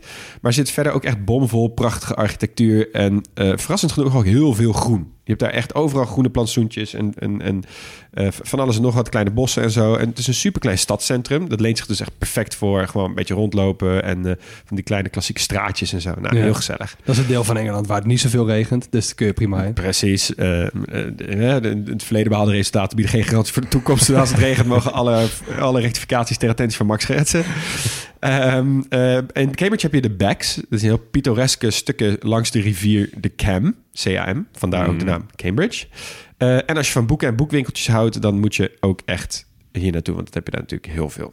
Nou goed, vervolgens rijden we via de alleroudste stad van Engeland, Colchester. Verder omhoog naar het best bewaarde middeleeuwse stadje van heel Engeland, Norwich. Ehm, dat is een van die plekken die de vikingen onder de, de viking met de allerbeste naam Sven Gaffelbaard compleet hebben afgebrand. Maar hebben daarna ook weer behoorlijk goed opgebouwd. En dat is dus het beste bewaarde middeleeuwse stadje van, eh, van Engeland, Oké, Norwich. ze geen Norwich. Noem ze geen Norwich. Want dan krijg je ik kom aan het einde van dit hoofdstuk nog even terug met een goede manier hoe je plaatsnaam moet uitspreken. Dus die, daar kom ik op terug. Maar Norwich inderdaad, denk middeleeuwse steegjes, middeleeuwse kerken, twee kathedralen. Sowieso zijn ze helemaal lijp op kathedralen in Engeland. Eh, je hebt nog een Normandisch kasteel staan en eh, duizend miljoen van die oude steegjes. En, nou, supermooi. Nou, vervolgens even, gaan we weer verder naar het noorden. Even high-fiven met de kathedraal van York. Dat is na de Dom van Keulen de grootste gotische kathedraal van Noord-Europa. Steekt die maar in je zak. Eh, gaan we via Lake District, waar Max net over heeft gehad, eh, waar je absoluut heen moet gaan, naar Liverpool en Manchester. Even stedentripje tussendoor. Eh, ik ben er zelf ben geen van twee geweest, maar ik, die staan zo hoog op mijn lijstje, die twee. Zeg Zeg maar van vanwege, Manchester wel tof, ja. ja, Liverpool kan ik niks over zeggen. Nou, vanwege inderdaad wat ze zeiden over die industriële revolutie, hoe ze daarmee om zijn gegaan, maar ook met zeg maar het industrieel erfgoed. Dus al die oude panden die ze hebben omgebouwd tot iets vets. Eh, Manchester, die hele stad is rood ook. Allemaal van die rode bakstenen. Ja, nou, ik hou van rode bakstenen in panden. Eh, en je hebt natuurlijk super veel muziek, heel veel kunst. Nou, voetbal eh, is daar natuurlijk ook wereldberoemd. Alles wat er in de pubs gebeurt, alles wat er op de straten gebeurt. Nou, ik zou er heel graag heen willen gaan. Maar dus als je erheen gaat, laat maar vooral weten wat het allerleukste is wat je daar kunt doen. Ehm, maar we zijn inmiddels al best wel in het noorden. En we hebben inderdaad Newcastle geskipt. En de, nou, de- helemaal de North komen we later wel weer. Dus we gaan weer terug naar het zuiden. En dan wil ik even een triootje pakken wat je best wel makkelijk kunt combineren. We beginnen in Bristol. Bristol is de thuisstad van Banksy. Banksy kennen we allemaal van de street art. eh, hè, van die, al die muizen en dat meisje met de ballon. En nou, weet ik het wat voor dingen je wel al niet kent. Goed politiek geladen. Goed politiek geladen. Eh, je kan daar street art tours doen eh, voor zijn verborgen muurschilderingen en graffiti. Eh, en je kan naar de M-Shed. Dan kom je meer te weten over de geschiedenis van Bristol. eh, inclusief eh, de duistere transatlantische slavenhandel... waar de stad decennia lang van, geprofiteerd heeft. Want laten we niet vergeten dat die Engelsen daar ook wel een behoorlijk eh, handje van hadden... in die transatlantische slavenhandel. En Bristol kan je daar dus heel goed even jezelf verdiepen in, in, die, in die geschiedenis. Daarna trainen we in een klein kwartier, ja ja, naar Bath. Hebben jullie vast ook wel gehoord? Ja, daar ben ik geweest. Ben ik ook geweest. Max, ben je geweest? Ah, Nee. Jammer. Bath, de naam zegt het al. Het is eigenlijk gewoon de Engelse versie van Baden-Baden. Namelijk heel veel Romeinse baden. Eh, het ligt echt vet mooi verscholen in de heuvels. Een soort eigen kleine wereld die je echt... eh, denk aan de boeken van Jane Austen. Weet je wel, een beetje echt zo'n manier van omschrijven... hoe mooi het daar allemaal is. Van die crème-kleurige stenen en eh, allemaal terrassen en honingraden... van die Palladiaanse invloeden en zo. Nee, je kan het helemaal voor je zien. Super prachtig. eh, en je kan er dus inderdaad ook gewoon lekker badderen als je dat wil. Als je, dat, als je daar heel blij van wordt. Toch wel een gemiste kans dat er niet zoveel plekken in Engeland Bath nog iets noemen weten. Ja, Dat vind ik altijd zo mooi in Duitsland. Het zal net een andere lading hebben. Ja wie is Bath? Eh, maar vanaf, eh, vanaf Bath eh, kan je binnen een klein uurtje naar Stonehenge. eh, wat na een of ander pretpark het meest bezochte stukje toeristisch gebied is in Engeland. Zo. Ehm, en ik lees even voor wat op de website staat over Stonehenge. Stonehenge is de architectonisch meest verfijnde prehistorische steencirkel ter wereld. Samen met onderling verbonden monumenten en de bijbehorende landschappen helpen ze ons ceremoniële en mortuariumpraktijken uit het Neolithicum en de bronstijd te begrijpen. Ze demonstreren ongeveer 2000 jaar onafgebroken gebruik en monumentenbouw tussen circa 3700 en 1600 voor Christus. Als zodanig vertegenwoordigen ze een unieke belichaming van ons collectieve erfgoed. Nou, Ja. ik ben er geweest. Nou, Leon, dan moet het wel fantastisch zijn. Ik ben er geweest. Ik heb er niet zoveel mee. Nee, snap ik Dus wel. sorry als ik alle mensen die, die hier helemaal wils van worden nu beledig. Maar Ik ben er niet geweest. Ik denk dat er 10.000 plekken in Engeland zijn waar ik eerder naartoe zou. ja, ik stond echt naar die set de stenen te kijken. Ik was toen ook 15, dat helpt ook niet mee. Maar ik dacht echt, ja, en nu? Dus de verhalen over het hele gebeuren zijn interessanter dan het Ja. daadwerkelijk zijn. Ja, Je hebt niet echt het gevoel van, wow, wat is dit nou vet? Het is geen Pantheon of zo, of een, of een Colosseum. Het, is gewoon echt, het zijn gewoon gare stenen in een cirkel. Ja. Ja, again, sorry eh, mensen die eh, archeologie heel hoog Ja, hebben als zitten. de lokale VVV nog eh, een podcast zoekt om in te adverteren, Ga naar Stonehenge. kunnen ze ons nu niet meer bellen. En James Cook ook al niet. Ach, Balen. Ehm, nou goed, vanaf eh, Stonehenge gaan we een flink stukje rijden. Dan gaan we naar Cornwall en Land's End. Dat ligt helemaal, zoals het woord al zegt, op het puntje van het eiland. Helemaal in het zuidwesten. Eh, en daar is het heel grappig, want daar kan je surfen. eh, daar kun je genieten van tropisch klimaat, want dat is daar. Eh, Je hebt daar allemaal stranden waar het echt vet mooi is. Eh, je- Palmbomen. palmbomen. Je hebt duikplekken. Dat je dus echt kan duiken naar allemaal van die schepen die dan precies op dat hoekje zo tak, tegen de klif aan zijn gelopen. Ehm, en je hebt daar voor het eiland heb je ook nog een soort tropisch mini-eiland, Tresco. Dat is echt super mooi. Die moet je even opzoeken hoe dat eruit ziet. Dat, dat is- je denkt echt, wat is dit voor, voor Caribisch eiland? Denkt, is- dit is geen Engeland. dit is geen Engeland. Het is gewoon Engeland. Ja. Maar goed, en daarna moet je weer terug naar de, de grijze, grauwe, gloomy wereld van Engeland. En dan trek je maar weer lekker terug naar Dover. En dan heb je je rondje compleet gemaakt. Klasse. Rondje. Nou, ik had jullie nog eh, beloofd wat uh, uitspraaktips. Onthoud deze. Eh, we beginnen inderdaad met Norwich. Dus inderdaad niet Norwich, behalve als je iedereen boos wil maken. Dus de W in het midden van, van Norwich en bij andere steden is het stil. Ehm, plaatsnamen die eindigen op ham, H-A-M, die spreek je uit als hmm. Dus West Ham is niet West Ham, maar Westham. En Buckingham is niet Buckingham, maar Buckingham. Buckingham Palace. Eh, Shire wordt Shire. Dus het is niet Yorkshire, het is Yorkshire. Ja. Eh, mouth is niet mouth, maar muth. Dus Bournemouth, niet Bournemouth. Of zoals een Franse, Portsmouth. Franse collega van mij ooit zei, Bournemouth. Eh, en Esther wordt stir. Dus het is niet Leicester, maar het is Leicester. Nee. En het is niet Worcester, maar Worcester. Dat is ook geen Manchester, toch? nee, en dus eh, het is niet Worcestershire saus. Nee, het is Worcestershire saus. Ja. Vrij moeilijk uit te spreken wel. Dus doe er, eh, doe er je plezier mee. Dankjewel. Nou, dan weer wat eh, bekende Engelsmensen. Isaac Newton is die van mij. Eh, ja, jongens, in deze minuut kun je niet eens alle uitvindingen opnoemen die hij gedaan heeft. Maar hij was geen natuurkundige, geen wiskundige, geen astronoom, geen filosoof en geen theoloog, maar al die dingen bij elkaar en nog een paar extra. Homo kennen hem- universalis. Ja, heel erg homo universalis. We kennen hem vooral vanuit zijn ontdekking van de zwaartekracht. En het viel hem echt op dat langs boomgaarden altijd appels lagen. Ja, daar hoef je alleen maar voor te kunnen zien. Maar Newton besefte daarmee ook dat er een kracht was die die appels naar beneden trok. En dat was dus precies dezelfde kracht als die de maan dicht bij de aarde hield. Dus de aantrekkingskracht tussen twee objecten is evenredig met hun massa. Dus een olifant valt sneller dan een mier, snap je? Ja. En omgekeerd evenredig met het kwadraat van de afstand tussen ze. Dat klinkt heel moeilijk, maar eigenlijk is het gewoon hoe verder die dingen van elkaar uitliggen, hoe minder aantrekkingskracht er is. Ja. Nou, tussendoor ontwierp hij ook nog even de telescoop. maar dat is voor ons een special over telescopen die we nooit gaan maken. Oké, nice. Ehm, ik eh, mag het hebben over Isambard Kingdom Brunel. En dat is misschien wel een van de belangrijkste personen waar je nog nooit van hebt gehoord. Behalve als je, net zoals ik, Railroad Tycoon 2 speelde. Eh, hij werd in 1806 geboren in Portsmouth. Eh, zijn vader, Mark Isambard, was een vooraanstaand ingenieur. Hij was namelijk hoofdingenieur van de Thames Tunnel in Londen. De eerste tunnel onder een vaarweg ter wereld. Oké. Ehm, en zijn vader bleek een goede leermeester.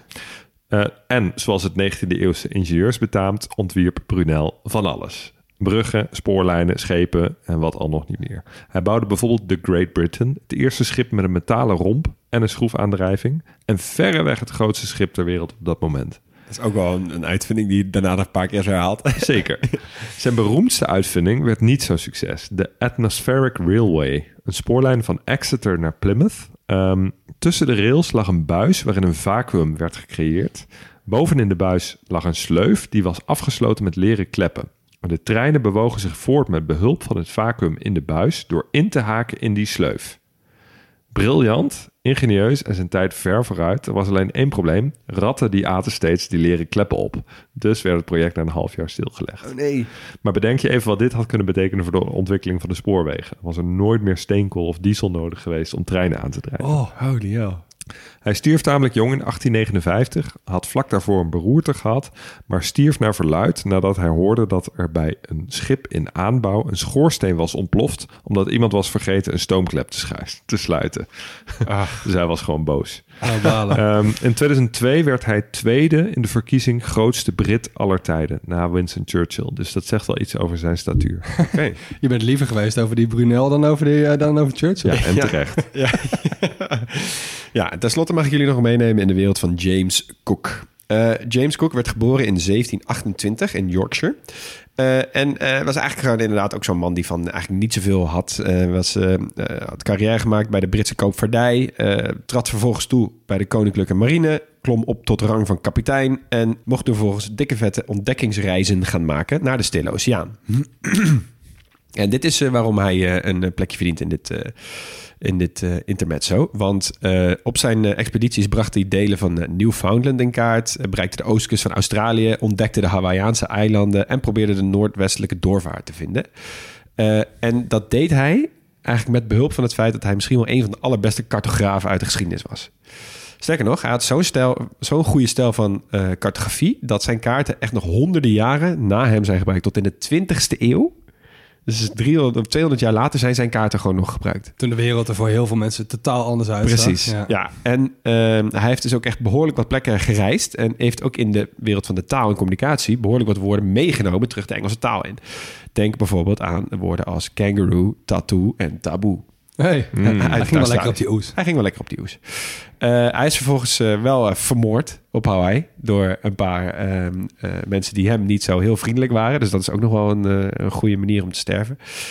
En Cook zijn erfenis is niet altijd even vriendelijk. Want helemaal nu mensen en landen heel erg breken met hun koloniale verleden... wordt Cook best wel vaak gezien als hè, de frontman van het De kolonialisme. brenger van het imperialisme. ja. Precies. En het is niet zozeer dat hij nou echt in zijn eentje alles en iedereen kapot maakte. Ja, het, het goede en ook slechte intenties.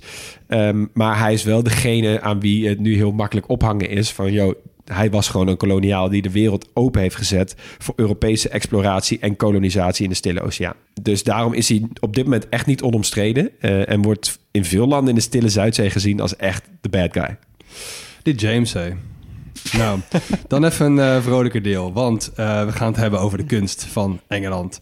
En laat ik mezelf even aan het, helemaal aan het begin even indekken. Eh, als ik iets of iemand niet noem, is hij of omdat hij niet interessant genoeg is... of omdat ik zijn muziek helemaal niet leuk vind. Maar waarschijnlijk omdat hij uit Londen komt.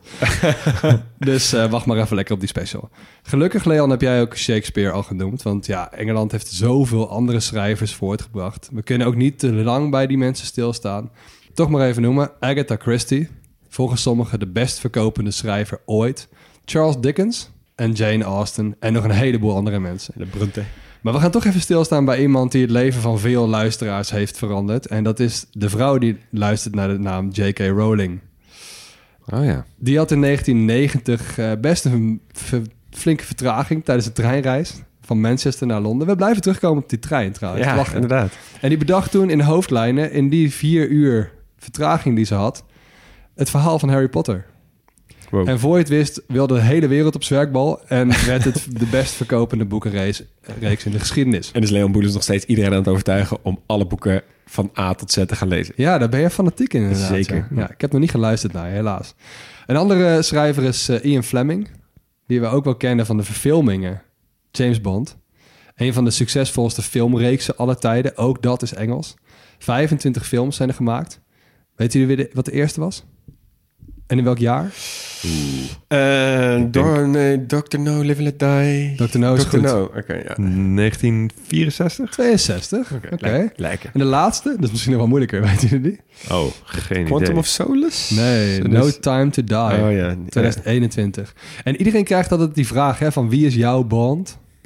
Hebben jullie daar een antwoord op? Of vinden jullie, geloven jullie het wel? Ja, kijk, ik heb niet echt een... Ik vind de, de huidige Bond... Of die is nu net afgezwaaid. Die vond ik altijd wel leuk. Ja, Eh, maar, ik, ja, maar ik ben Ja. echt opgegroeid met Pierce Brosnan. Wat natuurlijk echt de Oh, meest ja? debiele Bond-series waren. Want De dan... slechte. Ja, ik toch Ja. meer met Sean Connery Ik ook en. Roger Moore. Ja, ik Sean Connery ook, vind ik ook de vetste. Sean Connery. Maar ik vind, zeg maar, Pierce Brosnan, dat was echt toen ik een, Ja. jongen, een jongetje Ja, was. dat En die, klopt. en die auto Dat- uit de vliegtuigen dat- met de duizend was- gadgets. Ja, en zo. dat was nou helemaal onze bond. Ja. Dat is zo. Ja, dat heb ik Ja, ook mijn wel. Bond is echt Sean Connery, man. En daarna inderdaad nog wel eerder Roger Moore. En die, ja, die andere lui heb ik niet zoveel mee. Hm. Maar ik vind die oude, vind ik die tijdsgeest zo mooi met die oude auto's. En dan vaak ook nog gefilmd in de Caribe. En je hebt die hele koude oorlog er nog tussendoor. Ja. Nou, eh, niet zo. eh, dit is wel net zo klassiek, diegene die ik nu ga noemen, maar echt ongelooflijk onhandig om iets van te laten horen in een podcast. Dan heb ik het over Mr. Bean. Ja, nice. die maakte zelf niet zoveel geluid. Maar Rowan Atkinson is wel echt een van die acteurs die de rest van zijn leven niet meer loskomt van zijn rol. Geldt trouwens ook voor Daniel Radcliffe van Harry Potter. En ook Ja. de meeste Bonds geldt dat ook wel voor. Maar goed, we gaan door naar de muziek. En nogmaals, het is, eh, het is moeilijk om landen te verzinnen die meer voor de muziek hebben betekend dan Engeland. En ik ga het nog even doen vooraf. Er komt heel veel uit Londen. En er is ook heel veel gevormd in Londen. Dus met pijn in mijn hart, sorry. sorry. Rolling Stones, Elton John, David Bowie, George Michael, Amy Winehouse en ook Coldplay en Adele, maar die wilde ik eigenlijk toch al niet draaien. Engeland heeft in ieder geval wel echt een sleutelrol in het ontstaan van de popmuziek in zijn algemeen. Hè? Dus we bouwen het weer een beetje op, chronologisch. Het is een beproefde formule. Dus ik begin in de, in, de, in de jaren 60. En laten we dan meteen maar beginnen bij de meest invloedrijke band uit de hele muziekgeschiedenis, de Beatles. Uit? Liverpool. Goed zo. John, Paul, George en Ringo. En het was echt de begintijd van het concept ook jeugdcultuur. En de Beatles waren daarvan een soort exponent, een veroorzaker, een icoon en misschien ook wel een slachtoffer. Ehm, de Afro-Amerikaanse gemeenschap in de VS, die legde de basis voor de rhythm and blues. En daar lieten zij zich heel erg door inspireren. Dus ze gingen daar ook heen, ze kwamen terug. Ze brachten die vernieuwende sound. En, en in Engeland werden zij gewoon een hele grote ster. Echt de- een van de eerste hysterische popgroepen die er was. En wat mij altijd heel erg intrigeert in de Beatles... is hun hele geleidelijke overgang van een hele jonge poppy band... met een bizarre gekte... naar steeds experimentelere vaandeldragers van die hele hippie-generatie. Ja. Ja. Dat vind ik echt eh, super intrigerend. Ik, om, inclusief eh, om die lijpen toch naar India en zo en alles wat daarbij komt. Het begon echt in de eerste jaren van de jaren 60. Dus met hele brave nummers als I Wanna Hold Your Hand en Can't Buy Me Love. En let ook op het album Help dat ze daarna maakten. Weet je, in de hoogtijdagen van wat ze dan de Beatlemania noemen. Ja. Zij werden echt geleefd en stonden ook onder gigantische commerciële druk. En het was bij die concerten van ze zo'n gekte dat ze hun eigen muziek niet eens meer konden, eh, konden verstaan. ja. Ja. Dan hou je dus ook niet lang, lang vol. En in 1966, dus iets van zes jaar of zo nadat ze eh, opgericht waren, stopten ze ook al met optreden. Nou, Incoming, Summer of Love, 67. Dus de Beatles die gingen naar India en hun werk ging er ineens heel anders uitzien. En je kreeg toen albums als Sgt. Pepper's Lonely Hearts Club Band en de Magical Mystery Tour. Die klonken echt toch wel anders dan een paar jaar geleden. Ze stopte in eh, 1970 en daarna was natuurlijk een groot dieptepunt ook de moord op John Lennon in 1980. Ik heb heel lang nagedacht over welk liedje ik heel graag wil draaien, want ik wil ze eigenlijk allemaal heel graag draaien, maar ik draai toch maar misschien wel ook wel hun bekendste Here Comes the Sun. Here comes the sun. Here comes the sun. I say it's alright. Little darling, it's been a long cold Ja, en dan mag, mag ik heel veel inbreken bij jou, Max? Ja? Ja, oké. Ja, want eh, ik, ik wilde eigenlijk net al inbreken. Want je hebt namelijk een van de allerbekendste, allervetste tv-dingen uit Engeland niet genoemd. Die ik toch even wilde noemen. Maar je hebt met de Beatles mijn ingang gegeven. Ik wilde namelijk Monty Python nog even noemen. Als een van de geniaalste. En waarom ik die noem bij de Beatles. Is omdat George Harrison was een groot fan van Monty Python. En hij heeft een van de films, namelijk Life of Brian, gefinancierd. En hij is zelf ook producer van een aantal van die liedjes uit Life of Brian. Oh, dus ik wilde daar even op inbreken. Oh, ik had al zoiets in, de, in mijn hoofd. Ik moet iets over Monty Python noemen, helemaal vergeten. Dus thanks daarvoor. ja, die Beatles, hè, wat maakt ze nou zo goed? En voor mij persoonlijk is dat eigenlijk dat elk nummer van hun kan een hit zijn. Hè, dus het is Ja. doeltreffend, het is heel vernieuwend, het is harmonieus en het is super herkenbaar. En dat vind ik Mm. altijd echt heel tof aan de Beatles. Dus ze zijn niet de meest virtuoze gitaarspelers, maar ze hebben gewoon... De liedjes kloppen gewoon zo goed Ja. dat iedereen ze kent. Ja. Nou, ze hebben altijd een hele mooie rivaliteit gehad met de Stones. Frenemies noemen ze ook wel. Hè? Dus friends and enemies. Maar die doen we lekker bij Londen. Dus we gaan naar de jaren 70. En dan gaan we iets duisterder. Want ehm, je hebt iemand die heet Tony Yomi uit Birmingham. En hij werkte in een metaalfabriek. En hij verloor tijdens zijn laatste werkdag twee vingertopjes. Hij zou nooit meer gitaar kunnen spelen. Want ja, hij zat in een band. Wat deed hij? Hij knutselde twee vingerhoedjes of protheses. Ehm, en om zijn vinger wat verder te ontzien, ging hij met andere snaren spelen. En stemde hij zijn gitaar veel lager. En dit maakt zijn band, Black Sabbath, de uitvinder van de heavy metal. Nice. Mm. We luisteren naar het nummer Paranoid.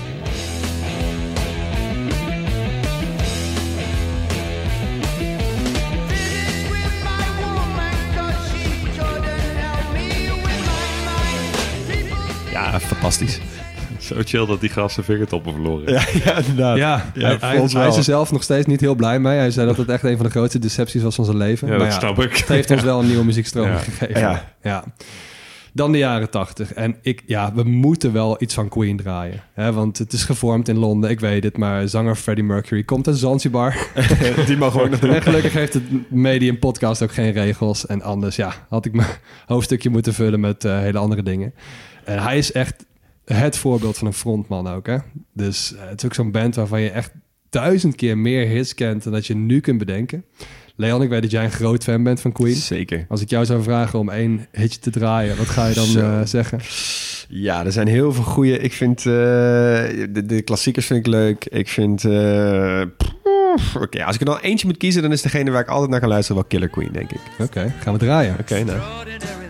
She's a killer queen, gunpowder dynamite with a laser beam, guaranteed to blow your mind.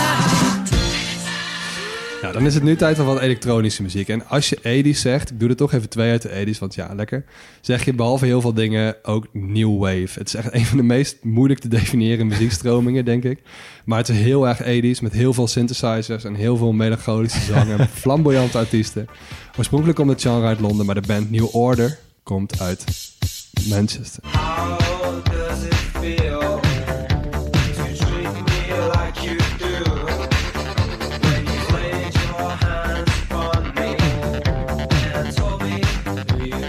Dan gaan we door naar de 90s. Eh, en dat is ook de tijd van de Britpop met bands als Oasis en Blur. Maar ik heb daar stiekem niet zo heel veel mee, dus ik heb een groep gepakt die ons allen wel heel erg aan het hart gaat.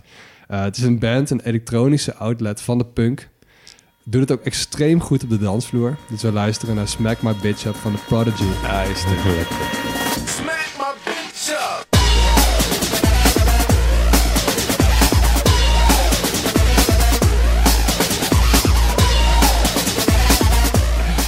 wat vrolijkers. Hoe kun je nou de 90s doen zonder de boy- en girl bands? En de grande dames van die categorie zijn toch wel de oer- en oer-Britse Spice Girls. Zeker. Gevormd in Londen, maar bijna allemaal afkomstig van buiten de stad. Gelukkig. Ik draai hier het nummer Wannabe.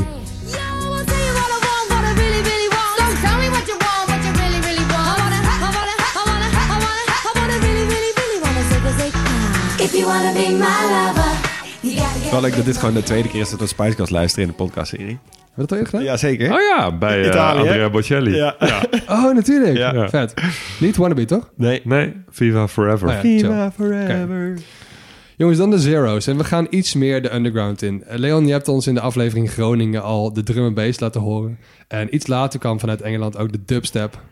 Beetje vals spelen, want veel lui die komen uit Londen en de muziekstroming zelf ook. Maar zeker ook uit Bristol. En anders krijg ik nooit meer de kans, want het gaat me zeer aan het hart. dus ik ga gewoon even een stukje dubstep voor jullie draaien. Ehm, ik draai een nummer van Scream, Rutten. En het mooie is aan Scream, hij komt wel net of net niet uit Londen. Klein voorstadje. en we doen het ermee. Doen het ervoor.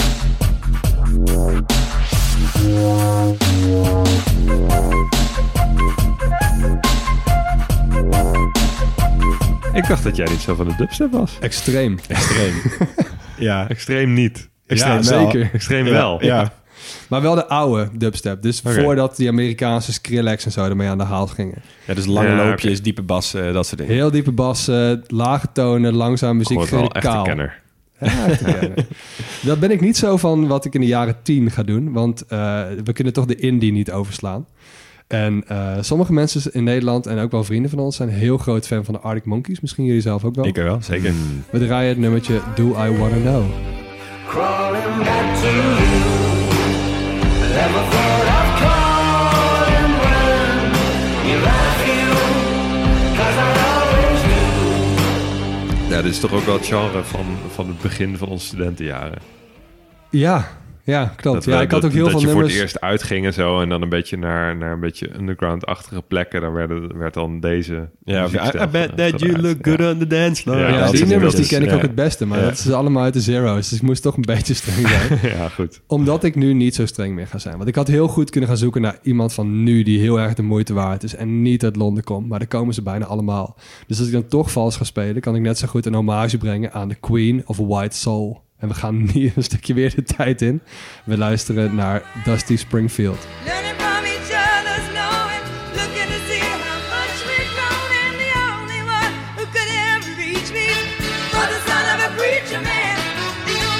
Ik was echt vandaag jaar oud toen ik erachter kwam dat zij Brits is. Ik dacht Dusty Springfield, dat is gewoon Midwest, USA. Dat dacht ik ook. Ja, maar ja, klinkt het ook. Maar, goede eh, afsluiter. gewoon Jullie echt er toch. Engels dus. Goeie Ja. afsluiting.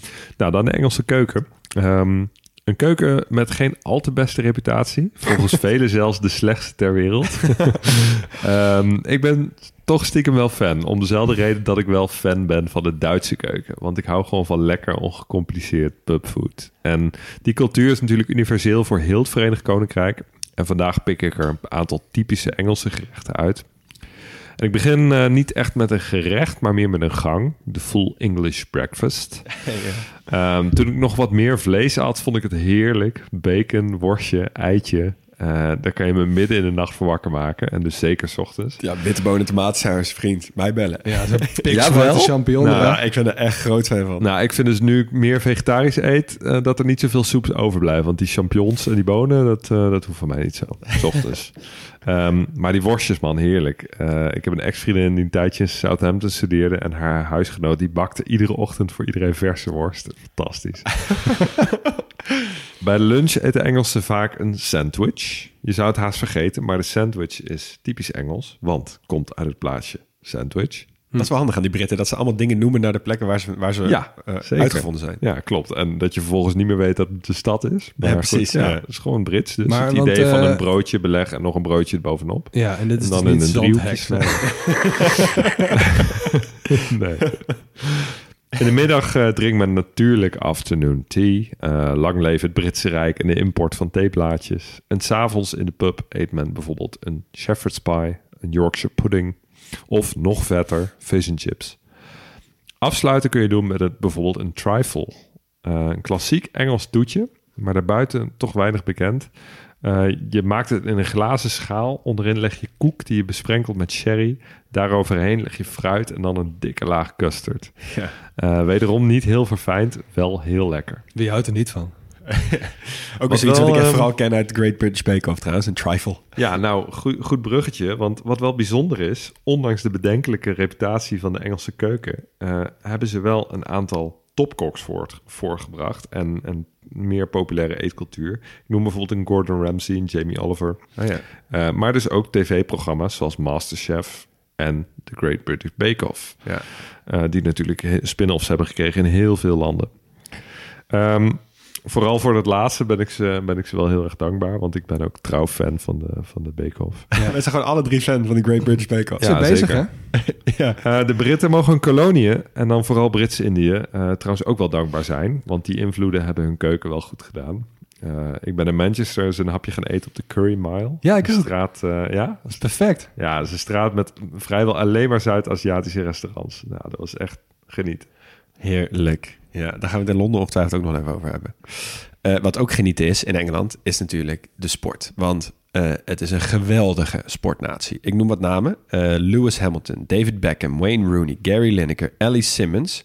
Voor, onder, voor heel veel mensen waarschijnlijk niet bekend. Voor mij ook niet. Dat is een Paralympiër met meer dan vijf gouden medailles. Waarvan haar eerste toen ze 13 was. Ehm Alan Shearer, Jessica Ennis Hill en Fred Perry. Ehm, kennen we allemaal. Eh, de meeste sporten waarin ze meedoen, doen ze onder de Engelse vlag mee. Wat best opvallend is. Ja. Eh, maar de Olympische Spelen niet. Want dan is het hele Verenigd Koninkrijk samen. Ehm, daarin staan ze wel derde op de ranglijst aller tijden. En sterker nog, het is het enige land dat op alle Olympische Spelen ooit een gouden medaille heeft gehaald. Ja. Oh, Ja, heeft Dat natuurlijk is- te maken met de Oh, boycotts. dat is een goed feitje. Eh, Boycotts heen en weer, maar daardoor hebben ze wel als enige land. Ja. Maar goed, we hebben het over Engeland. Eh, er zijn wat sporten uitgevonden. Nou, hebben we er weer eentje. Rugby. Waar denken we dat het is uitgevonden? In rugby. Op de school rugby. rugby. Die ja. kostschool. Ja, precies. Ehm, cricket is ook een van de oudste sport- sporten waarvan de regels op papier zijn gezet. Dus ook eh, ga ik het verder niet over hebben, want dat kunnen we in een ander land heel goed hebben. Eh, waar ik het echt heel lang met jullie over wil hebben, is even voetbal. Het moderne voetbal. En dus ook stop luisteraar die niet van voetbal houdt, die nu meteen denkt: Oh, ik ga vooruit skippen. Nee, nee. Dit is juist ook voor de mensen die eigenlijk niet zoveel hebben met voetbal. Waarvan je dan nu, als het goed is, binnenkort kunt Je- meepraten. je gaat het leren, Je ja. gaat- ik, ga, ik ga je iets wel leren. Het is vooral ook weer een geschiedenislesje. Net zoals al bij de andere hoofdstukken ongeveer. Ehm, maar goed, veel landen claimen voetbal te hebben uitgevonden. Eh, China is altijd degene die het meest naar voren komt met hun chuchu, omdat dat soort geregistreerd hooghouden was. Ehm, maar eigenlijk, ja, heel veel geschiedeniskundige mensen die zeggen, ja, voetbal gebeurt al sinds mensen eh, varkensblazen opbliezen en tegen elkaar gingen schoppen, weet je wel. Of het nou eh 10 tegen 10 of 50 tegen 50 of dorp tegen dorp was. Eh, Mhm. Dat bestond, bestond al sinds mensheugenis, ja. precies. Maar het verhaal van het moderne voetbal begint, zoals veel goede verhalen, in een pub.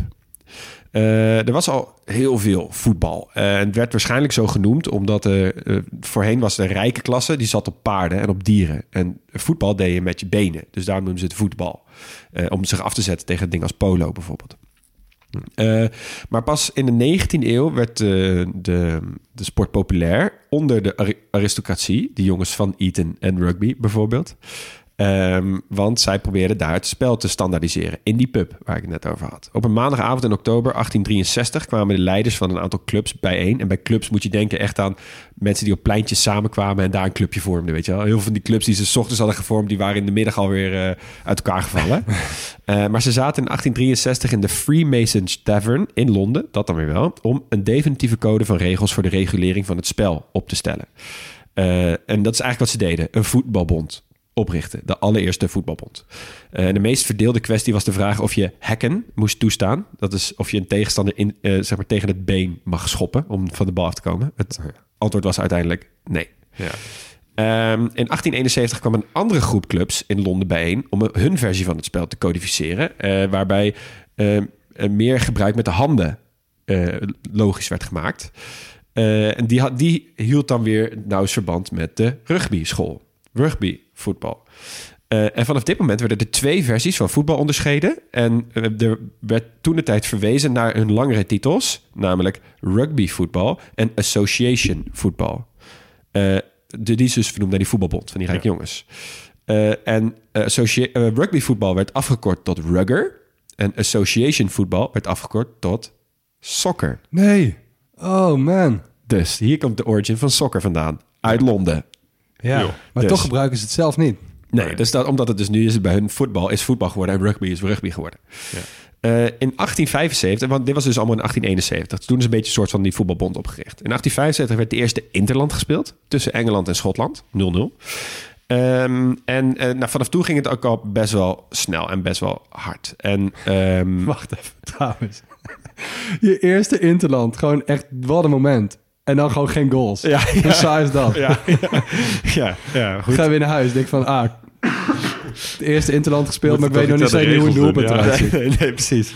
Nou goed, gelukkig hebben we er nog genoeg gevolgd. Ehm, eh, overigens was er ook nog best wel een, eh, een nadeel van het opstarten van die Football Association, oftewel de FA, hè, die we nu ook kennen van de Cup. Ehm, was namelijk omdat zij eh, steeds meer in de loop der jaren de macht kregen over het spel, over voetbal. En eh, al heel vaak waren er wat conservatieve geesten in de sport die zeiden: ja, vrouwen die horen niet te voetballen, eh, want die moeten gewoon thuis eh, voor het aanrecht staan. Terwijl voetbal onder vrouwen was toen ook gewoon super groot. En sterker nog, in eh, 1920 was er zelfs een wedstrijd tussen Everton en Liverpool in Goodison Park, waar 53.000 mensen kwamen kijken naar een, pot vrouwenvoetbal. Dus het was niet een gemarginaliseerde sport of zo. Dat was gewoon een, een welbekeken sport in Engeland. Dus het mannenvoetbal voelde zich heel erg ehm, bedreigd door het vrouwenvoetbal. Ik weet niet of ik het zo zou stellen. Wat ik wel zou willen stellen is dat de, de FA, zeg maar die lui die dus steeds meer macht wilden, dat zij vonden, zij vonden dat voetbal niks was voor vrouwen. Ja. Ja, en en zo wat- is in Nederland ook het vrouwenvoetbal de kop ingedrukt aanvankelijk. Nou, hè? exact. Want dus in 1921 werd dus het vrouwenvoetbal verboden, want het was niet vrouwelijk genoeg. En eh, omdat de FA echt best wel een voorbeeldbond was voor heel veel andere plekken ter wereld, werd dat ook op heel veel andere plekken overgenomen. Dus eh, pas in 1971 werd in Engeland het vrouwenvoetbal weer opgericht, maar alleen voor amateurs. Eh, en in, in 1991 werd het weer opgenomen in de FA. Moet je nagaan, hè? Dan heb je dus 50 jaar zonder professioneel voetbal. Ja. En dan nu zeggen, ja, vrouwenvoetbal is, eh, is kut, want ja... Wat verwacht je als je 50 jaar, terwijl al die andere landen daarin zeg maar echt Ja. floreren, alles, Ja. alle clubs. Maar goed. er zijn dus mensen die, eh, die, die eisen dat er herstelbetalingen komen hè, vanuit het mannenvoetbal. ja? Ja, omdat het gewoon... In, volgens mij is het in de Amerikaanse wet... Ik doe dit even uit mijn hoofd, maar in de Amerikaanse wet is het dus verboden om te discrimineren. In het, in, zeg maar stelselmatig te discrimineren. Ja. In een sportbond of wat dan ook. En op het moment dat je dus iets verbiedt... Dan kun je dus herstelbetalingen eisen. Maar dat kun je dus, kunnen ze dus voor 50 jaar terug gaan doen. Ja. Moet je kijken hoe groot die sport had kunnen zijn. Zo, inderdaad. Eh, nou, ik wil nog even twee essentiële momenten in het Engelse voetbal eh, met jullie meenemen. Eén leuke, één minder leuke. We beginnen met de leuke, namelijk het wereldkampioenschap voetbal in 1966. Eh, was gehouden in Engeland. Het Engelse team was lekker bezig. Ze hadden echt een hele goede vorm. Ze bereikten zelfs de finale, waar ze het moesten opnemen tegen West-Duitsland. Nou, 1966, de- hè, tel uit je rivaliteit. Ehm, en na een behoorlijk spannende wedstrijd stond het na 90 minuten 2-2 en werd er verlengd. Eh, in de extra tijd wist Geoff Hurst twee keer te scoren. En hij had al één keer gescoord. Dus hij had een, eh een hat-trick gescoord. De allereerste hat-trick in een finale ooit. Eh, en daardoor was Engeland wereldkampioen. En dat is nog steeds de enige prijs die ze ooit wonnen. En ook een van de redenen waarom ze nog steeds bij elk E en WK altijd schringen... It's coming home, it's coming home, football's coming home. Ja. Nou, het andere voorbeeld waar ik jullie even mee wil nemen is dus het mindere voorbeeld. Dat is namelijk 15 april 1989. Eh, eigenlijk een van de grootste tragedies in de voetbalgeschiedenis, sowieso in Engeland. Namelijk het Hillsborough, eh, de Hillsborough-ramp eh, in Sheffield. Was namelijk tijdens een FA Cup halve finale tussen Liverpool en Nottingham Forest. waren de tribunes overvol geraakt. En waarbij in de verdrukking 96 Liverpool-fans om het leven kwamen. Eh, en vooral de nasleep van dat hele gebeuren had echt diepe impact. Want eh, iedereen wees in eerste instantie naar de eh, Liverpool-fans. Die zeiden, zij hebben fouten gemaakt. Zij hebben het allemaal verkeerd gedaan. Terwijl hoe langer en hoe meer onderzoek er werd gedaan... hoe meer eigenlijk men erachter kwam... dat het juist de omstandigheden, de politie... en alle eh, andere dingen ervoor hadden gezorgd... dat zij daardoor om het leven waren gekomen. Eh, en was zogenaamd Taylor-rapport, wat daaruit leidde... heeft dus de veiligheidsnormen in voetbalstadions compleet veranderd. Want er waren, mochten daarna geen staattribunes meer zijn... maar overal zittribunes. Eh, er werd veel meer ook op veiligheid en, eh, en, en dat soort dingen eh, gelet. Ehm, eh, en uiteindelijk was het op 12 september 2012... eh, de conclusie dat eh, was een, een onafhankelijk panel. Die had geconcludeerd dat er geen enkele Liverpool-fan op enige wijze verantwoordelijk was voor de ramp. Hmm. Dus toen werden ze allemaal vrijgesproken. Maar je zult nu nog steeds, als je kijkt naar een wedstrijd van Liverpool, wat sowieso een aanrader is, eh, heel vaak de nummer 96 zien. Dus voor die 96 slachtoffers. En de woorden You Never Walk Alone, wat ze altijd zingen. Is niet specifiek bedoeld voor dat moment. Maar is natuurlijk wel, geeft wel extra veel lading als je bedenkt dat zij dus altijd hebben gestreden voor die 96 lui die daar Ja. hun leven hebben gelet. Symbolisch. Heel symbolisch. Nou, tenslotte wil ik nog eh, even een, eh, een kleine ode brengen aan voetbalfans. Want er wordt vaak, en vaak ook terecht, slecht geschreven over voetbalhooligans. Maar ik wil even een aspect toelichten waar ik heel groot fan van ben. En ik weet met mij ook velen. Namelijk eh, de Engelse liedjes en de Engelse banter. Ja. Ehm, wat ik echt fantastisch vind. Zoals ik in het begin al zei, de humor van de Britten kan ik enorm van genieten. Dus ook op het stadion. Want ze zijn vaak uniek, ze zijn vaak scherp, ze zijn vaak heel actueel en ad rem. En vaak ook liedjes die zo makkelijk zijn dat iedereen ze kan meezingen. Dus ik ga er even een paar laten horen. Eh, luister even goed naar deze klassieker, die vaak wordt gezongen op het moment dat je zelf heel ver achter, achter staat.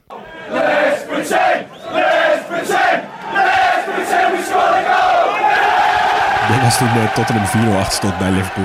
Het is zo'n heerlijke cultuur. Ja.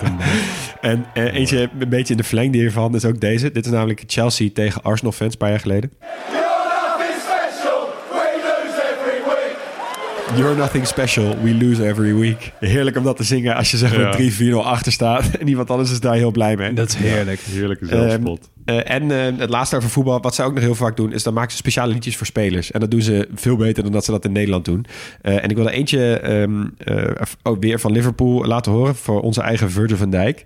Ze hebben namelijk een singer-songwriter met een gitaar die allemaal liedjes bedenkt. En deze gaat altijd supergoed. Het is dus echt midden in een bierhal. Iedereen staat echt volle bak te hossen. Dus luister goed naar, naar de lyrics.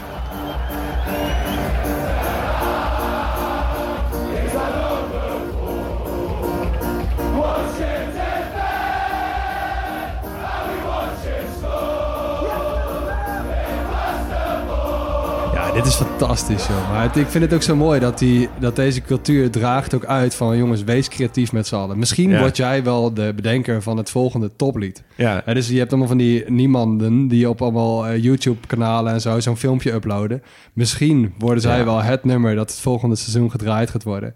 Ja. Maar het is ook wel grappig af en toe. Hè? Bijvoorbeeld zo'n eh, speler als Luis Suarez, nog best wel grote tanden. Ja. De hele stadion zong, eh, zong toen van Luis Suarez, your teeth are offside. Ja, ja precies. En Ja. zelfs Mesut Özil, die best wel grote ogen heeft. Nou, heel lullig voor hem, maar daar zongen ze ook altijd... Your eyes are offside. Ja, ja, precies. Ja, en, eh, in Nederland zouden we echt wel wat meer creativiteit kunnen gebruiken in Zo, een voetbalstadion. zeg Zo, dat wel. want, eh, Beter dan Boer en bij ons. Ja.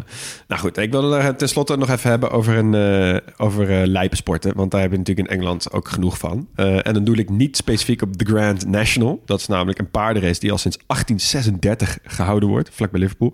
Heb ik een keertje in de kroeg mogen aanschouwen. Iedereen wed daarop. Iedereen. Ja. Maar echt die hele kroeg. Iedereen wed op een paard. Ik wist niet wat ik meemaakte. Maar goed. Wordt gezien als de belangrijkste en meest prestigieuze steeplechase van het jaar. Wordt wereldwijd door 600 miljoen mensen bekeken. Dus voornamelijk in de Commonwealth. En ik gok dat daar zo'n 598 miljoen mensen van in ieder geval een weddenschapje hebben gelegd op een van die paarden die langskomen. Ja, dat denk ik ook. Anders Eh, is er ook geen zak aan om naar te Kijk, kijken. het is een paardenrace. Ja, zelf weten. Maar goed. Eh, je hebt ook nog welly wanging. Dat is ehm, eh, het zo ver mogelijk gooien van je laars. Oftewel je welly.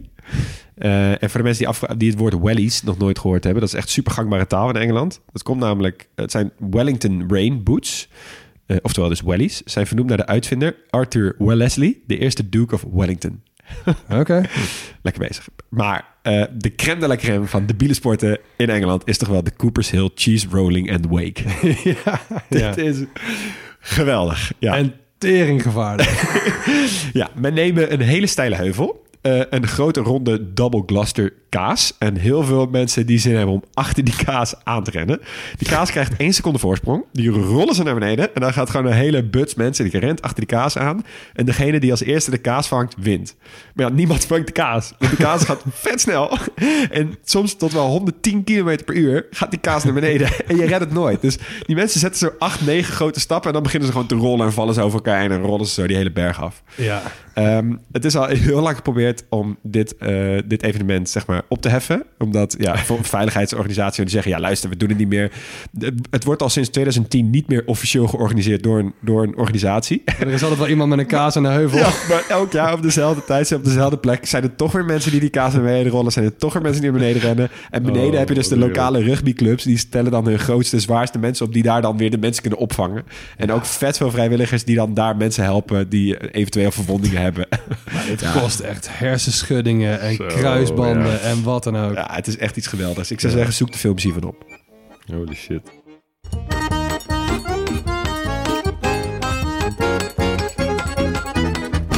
Ja, en dan zijn we toch weer aan het einde gekomen met de vraag... wat maakt dit land uniek?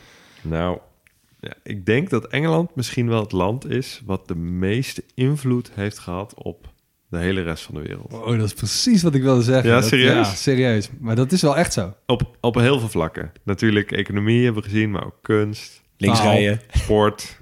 Ja, Taal, Ja. muziek, eh, drama in de hele wereld, kolonialisme, Ja, slavernij. Ja, slavernij, ja. oorlogsvoering, wetenschap. Ja. Zo, Holy moly. Ja. Sluiten we ons alle drie bij aan? Zeker. Nou. Ja, maar ik, ik heb er nog wel eens die wat meer eh, intern is, wat ik heel grappig vind. Want eh, die Britten, die, heel vaak zoeken ze gewoon afleiding in hun leven. En of ze dat nou doen met voetbal, of dat ze dat nou doen met tabloids, waar we het nog niet eens over gehad hebben trouwens. Of, Mhm. of, of dat ze dat doen met het Koningshuis. Ze zoeken altijd op een bepaalde manier afleiding. En ik vind vooral het Koningshuis en de sport, dat zijn twee takken. Ik kwam op een gegeven moment een staartje tegen van de tien best bekeken eh, tv-shows aller tijden in Engeland. En Mhm. de eerste is dus die FIFA Wereldcup. En die tweede is het de Diana's eh, begrafenis. Eh, derde is documentaire over, over de, de Royal Family. Vierde is weer Italië tegen Engeland 2020. Dus het is echt de hele tijd zo Ja, gaat het ja, heen en ja. weer. En Ja. ik, dat is, ik vind het zo'n grappige tweedeling in dit land dat dat op die manier bestaat. Ja. Ja, dat is Maar mooi. ik vraag me dus wel echt af van, zijn dit nou beesten die heel erg eh, ingekapseld zijn, dus wat we aan het begin zeiden, hè, in die hele nette maniertjes en zo? Of zijn het gewoon hele nette mensen die af en toe gewoon een keer een verzetje nodig hebben? Ja, ja. Ik vind het zo mooi dat die, die Ja. Britten, dat gaat alle kanten op. Dus je hebt de laagste van het laagste van het laagste. En ze zijn zo... ehm, ze hebben zo'n slechte reputatie. Ze zijn berucht op vakantie. En Ja. ze zijn verbrand. Ja. En ze zuipen. En ze zijn lelijk. En ze hebben geen tanden. En ze kunnen niet koken. Maar ze hebben ook alles wat een wereld mooi maakt. Ja, ze hebben muziek, ze hebben humor. Want die tv-shows die zij maken, waar ik groot fan van ben, van Ada de Ten Cats en dat soort dingen, dat is echt iets geweldigs om naar te kijken. Ze hebben superveel leuke eh, films en sterren en weet ik het dan allemaal nog meer, waar we het ook nog niet eens over gehad hebben. Dingen als gewoon, eh, gewoon iemand als eh, David Attenborough of zo. Weet je, wij hebben Ja. hem niet eens genoemd. Gewoon dat soort, dat soort figuren die Ja. gewoon echt goede vaandeldragers zijn van het land waar Dat is een eh, schot, ze toch? komen. David Attenborough. Nee hoor, hij heeft gewoon een hele Schotse naam. Oké, ja, dat- en wat gaan we doen als we hier één dag zijn? Eh, ik ga naar Liverpool. Want daar ben ik nog nooit geweest. En, eh, en ja, het is toch, een- ja, ja, toch wel een mythische stad. Ja. Gezien de muziekgeschiedenis, gezien de sportgeschiedenis. Ehm, niet per se een hele mooie stad, geloof ik. Maar ja, ik ben er wel heel benieuwd naar. Goeie, hè? Havenstad ook altijd wel bijzonder. Zeker. Ja. Ja, ik ben toch wel eh, gecharmeerd van die treinreizen. Maar eh, ook wel gewoon door een lekker autoritje. Dus ik denk dat ik die twee met elkaar ga combineren. En eh, ik heb wel eens iets gezien over de Cotswold. Ja, ja, ja, ja dat is... Eh, eh, een dat is beetje oude- eh, grensregio met Wales. Een beetje zo'n glooiende regio. Waar allemaal van die, die, eh, kleine huisjes, toch? Van die kleine huisjes met heggetjes en kleine Oh ja. eh weidetjes. En het is gewoon op en top Brits. Met Ja. af en toe zo'n cottage in het midden. Ik Ja. denk dat ik daar eens even een dagje een kijkje ga Ja, het is een beetje gewoon de. Britse Shire, Lord of the Ja. Rings stijl. Juist. Wat ga jij doen? Ehm, ja, ik zou... Ja, Liverpool, Manchester, maar ik kom daar nog wel een keer... Ik denk dat ik iets anders ga doen. Ik denk dat ik ga, eh, ga bikepacken door het Lake District. Oh ja. Gewoon door die glooiende heuvels en die... maar dan kun je die- combineren die- met Manchester. Kun je Ja, een maar in, in een dag met de fiets wordt lastig. Ja, ik fiets wel gewoon naar Manchester, inderdaad. Lake, Vanaf de Lake District, komt Ja. goed. Goeie. Nou jongens, we zijn er doorheen. Eh, heel erg bedankt voor het luisteren naar dit hoofdstuk van de grote podcastlas. Vanuit de huiskamerstudio in Utrecht hoorde je weer Leon Boelis, Max Gerts en Hugo Noordman. En Jonas van Impen, die doet ook in het nieuwe seizoen voor ons weer de eindmontage. Jonas. Nooit volledig, wel origineel, zeker vandaag.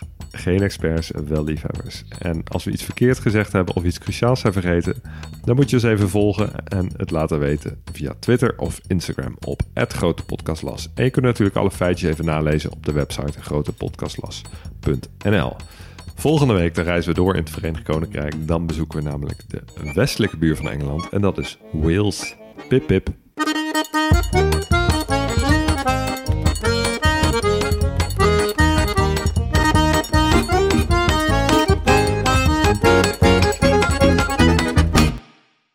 Luisteraar. Luister je nog steeds? Klasse, man. Je hebt er gewoon helemaal afgeluisterd. Nou, nu je tot hier bent gekomen, koop dan ook gelijk even ons boek, hè. grotepodcastlas.nl slash boek.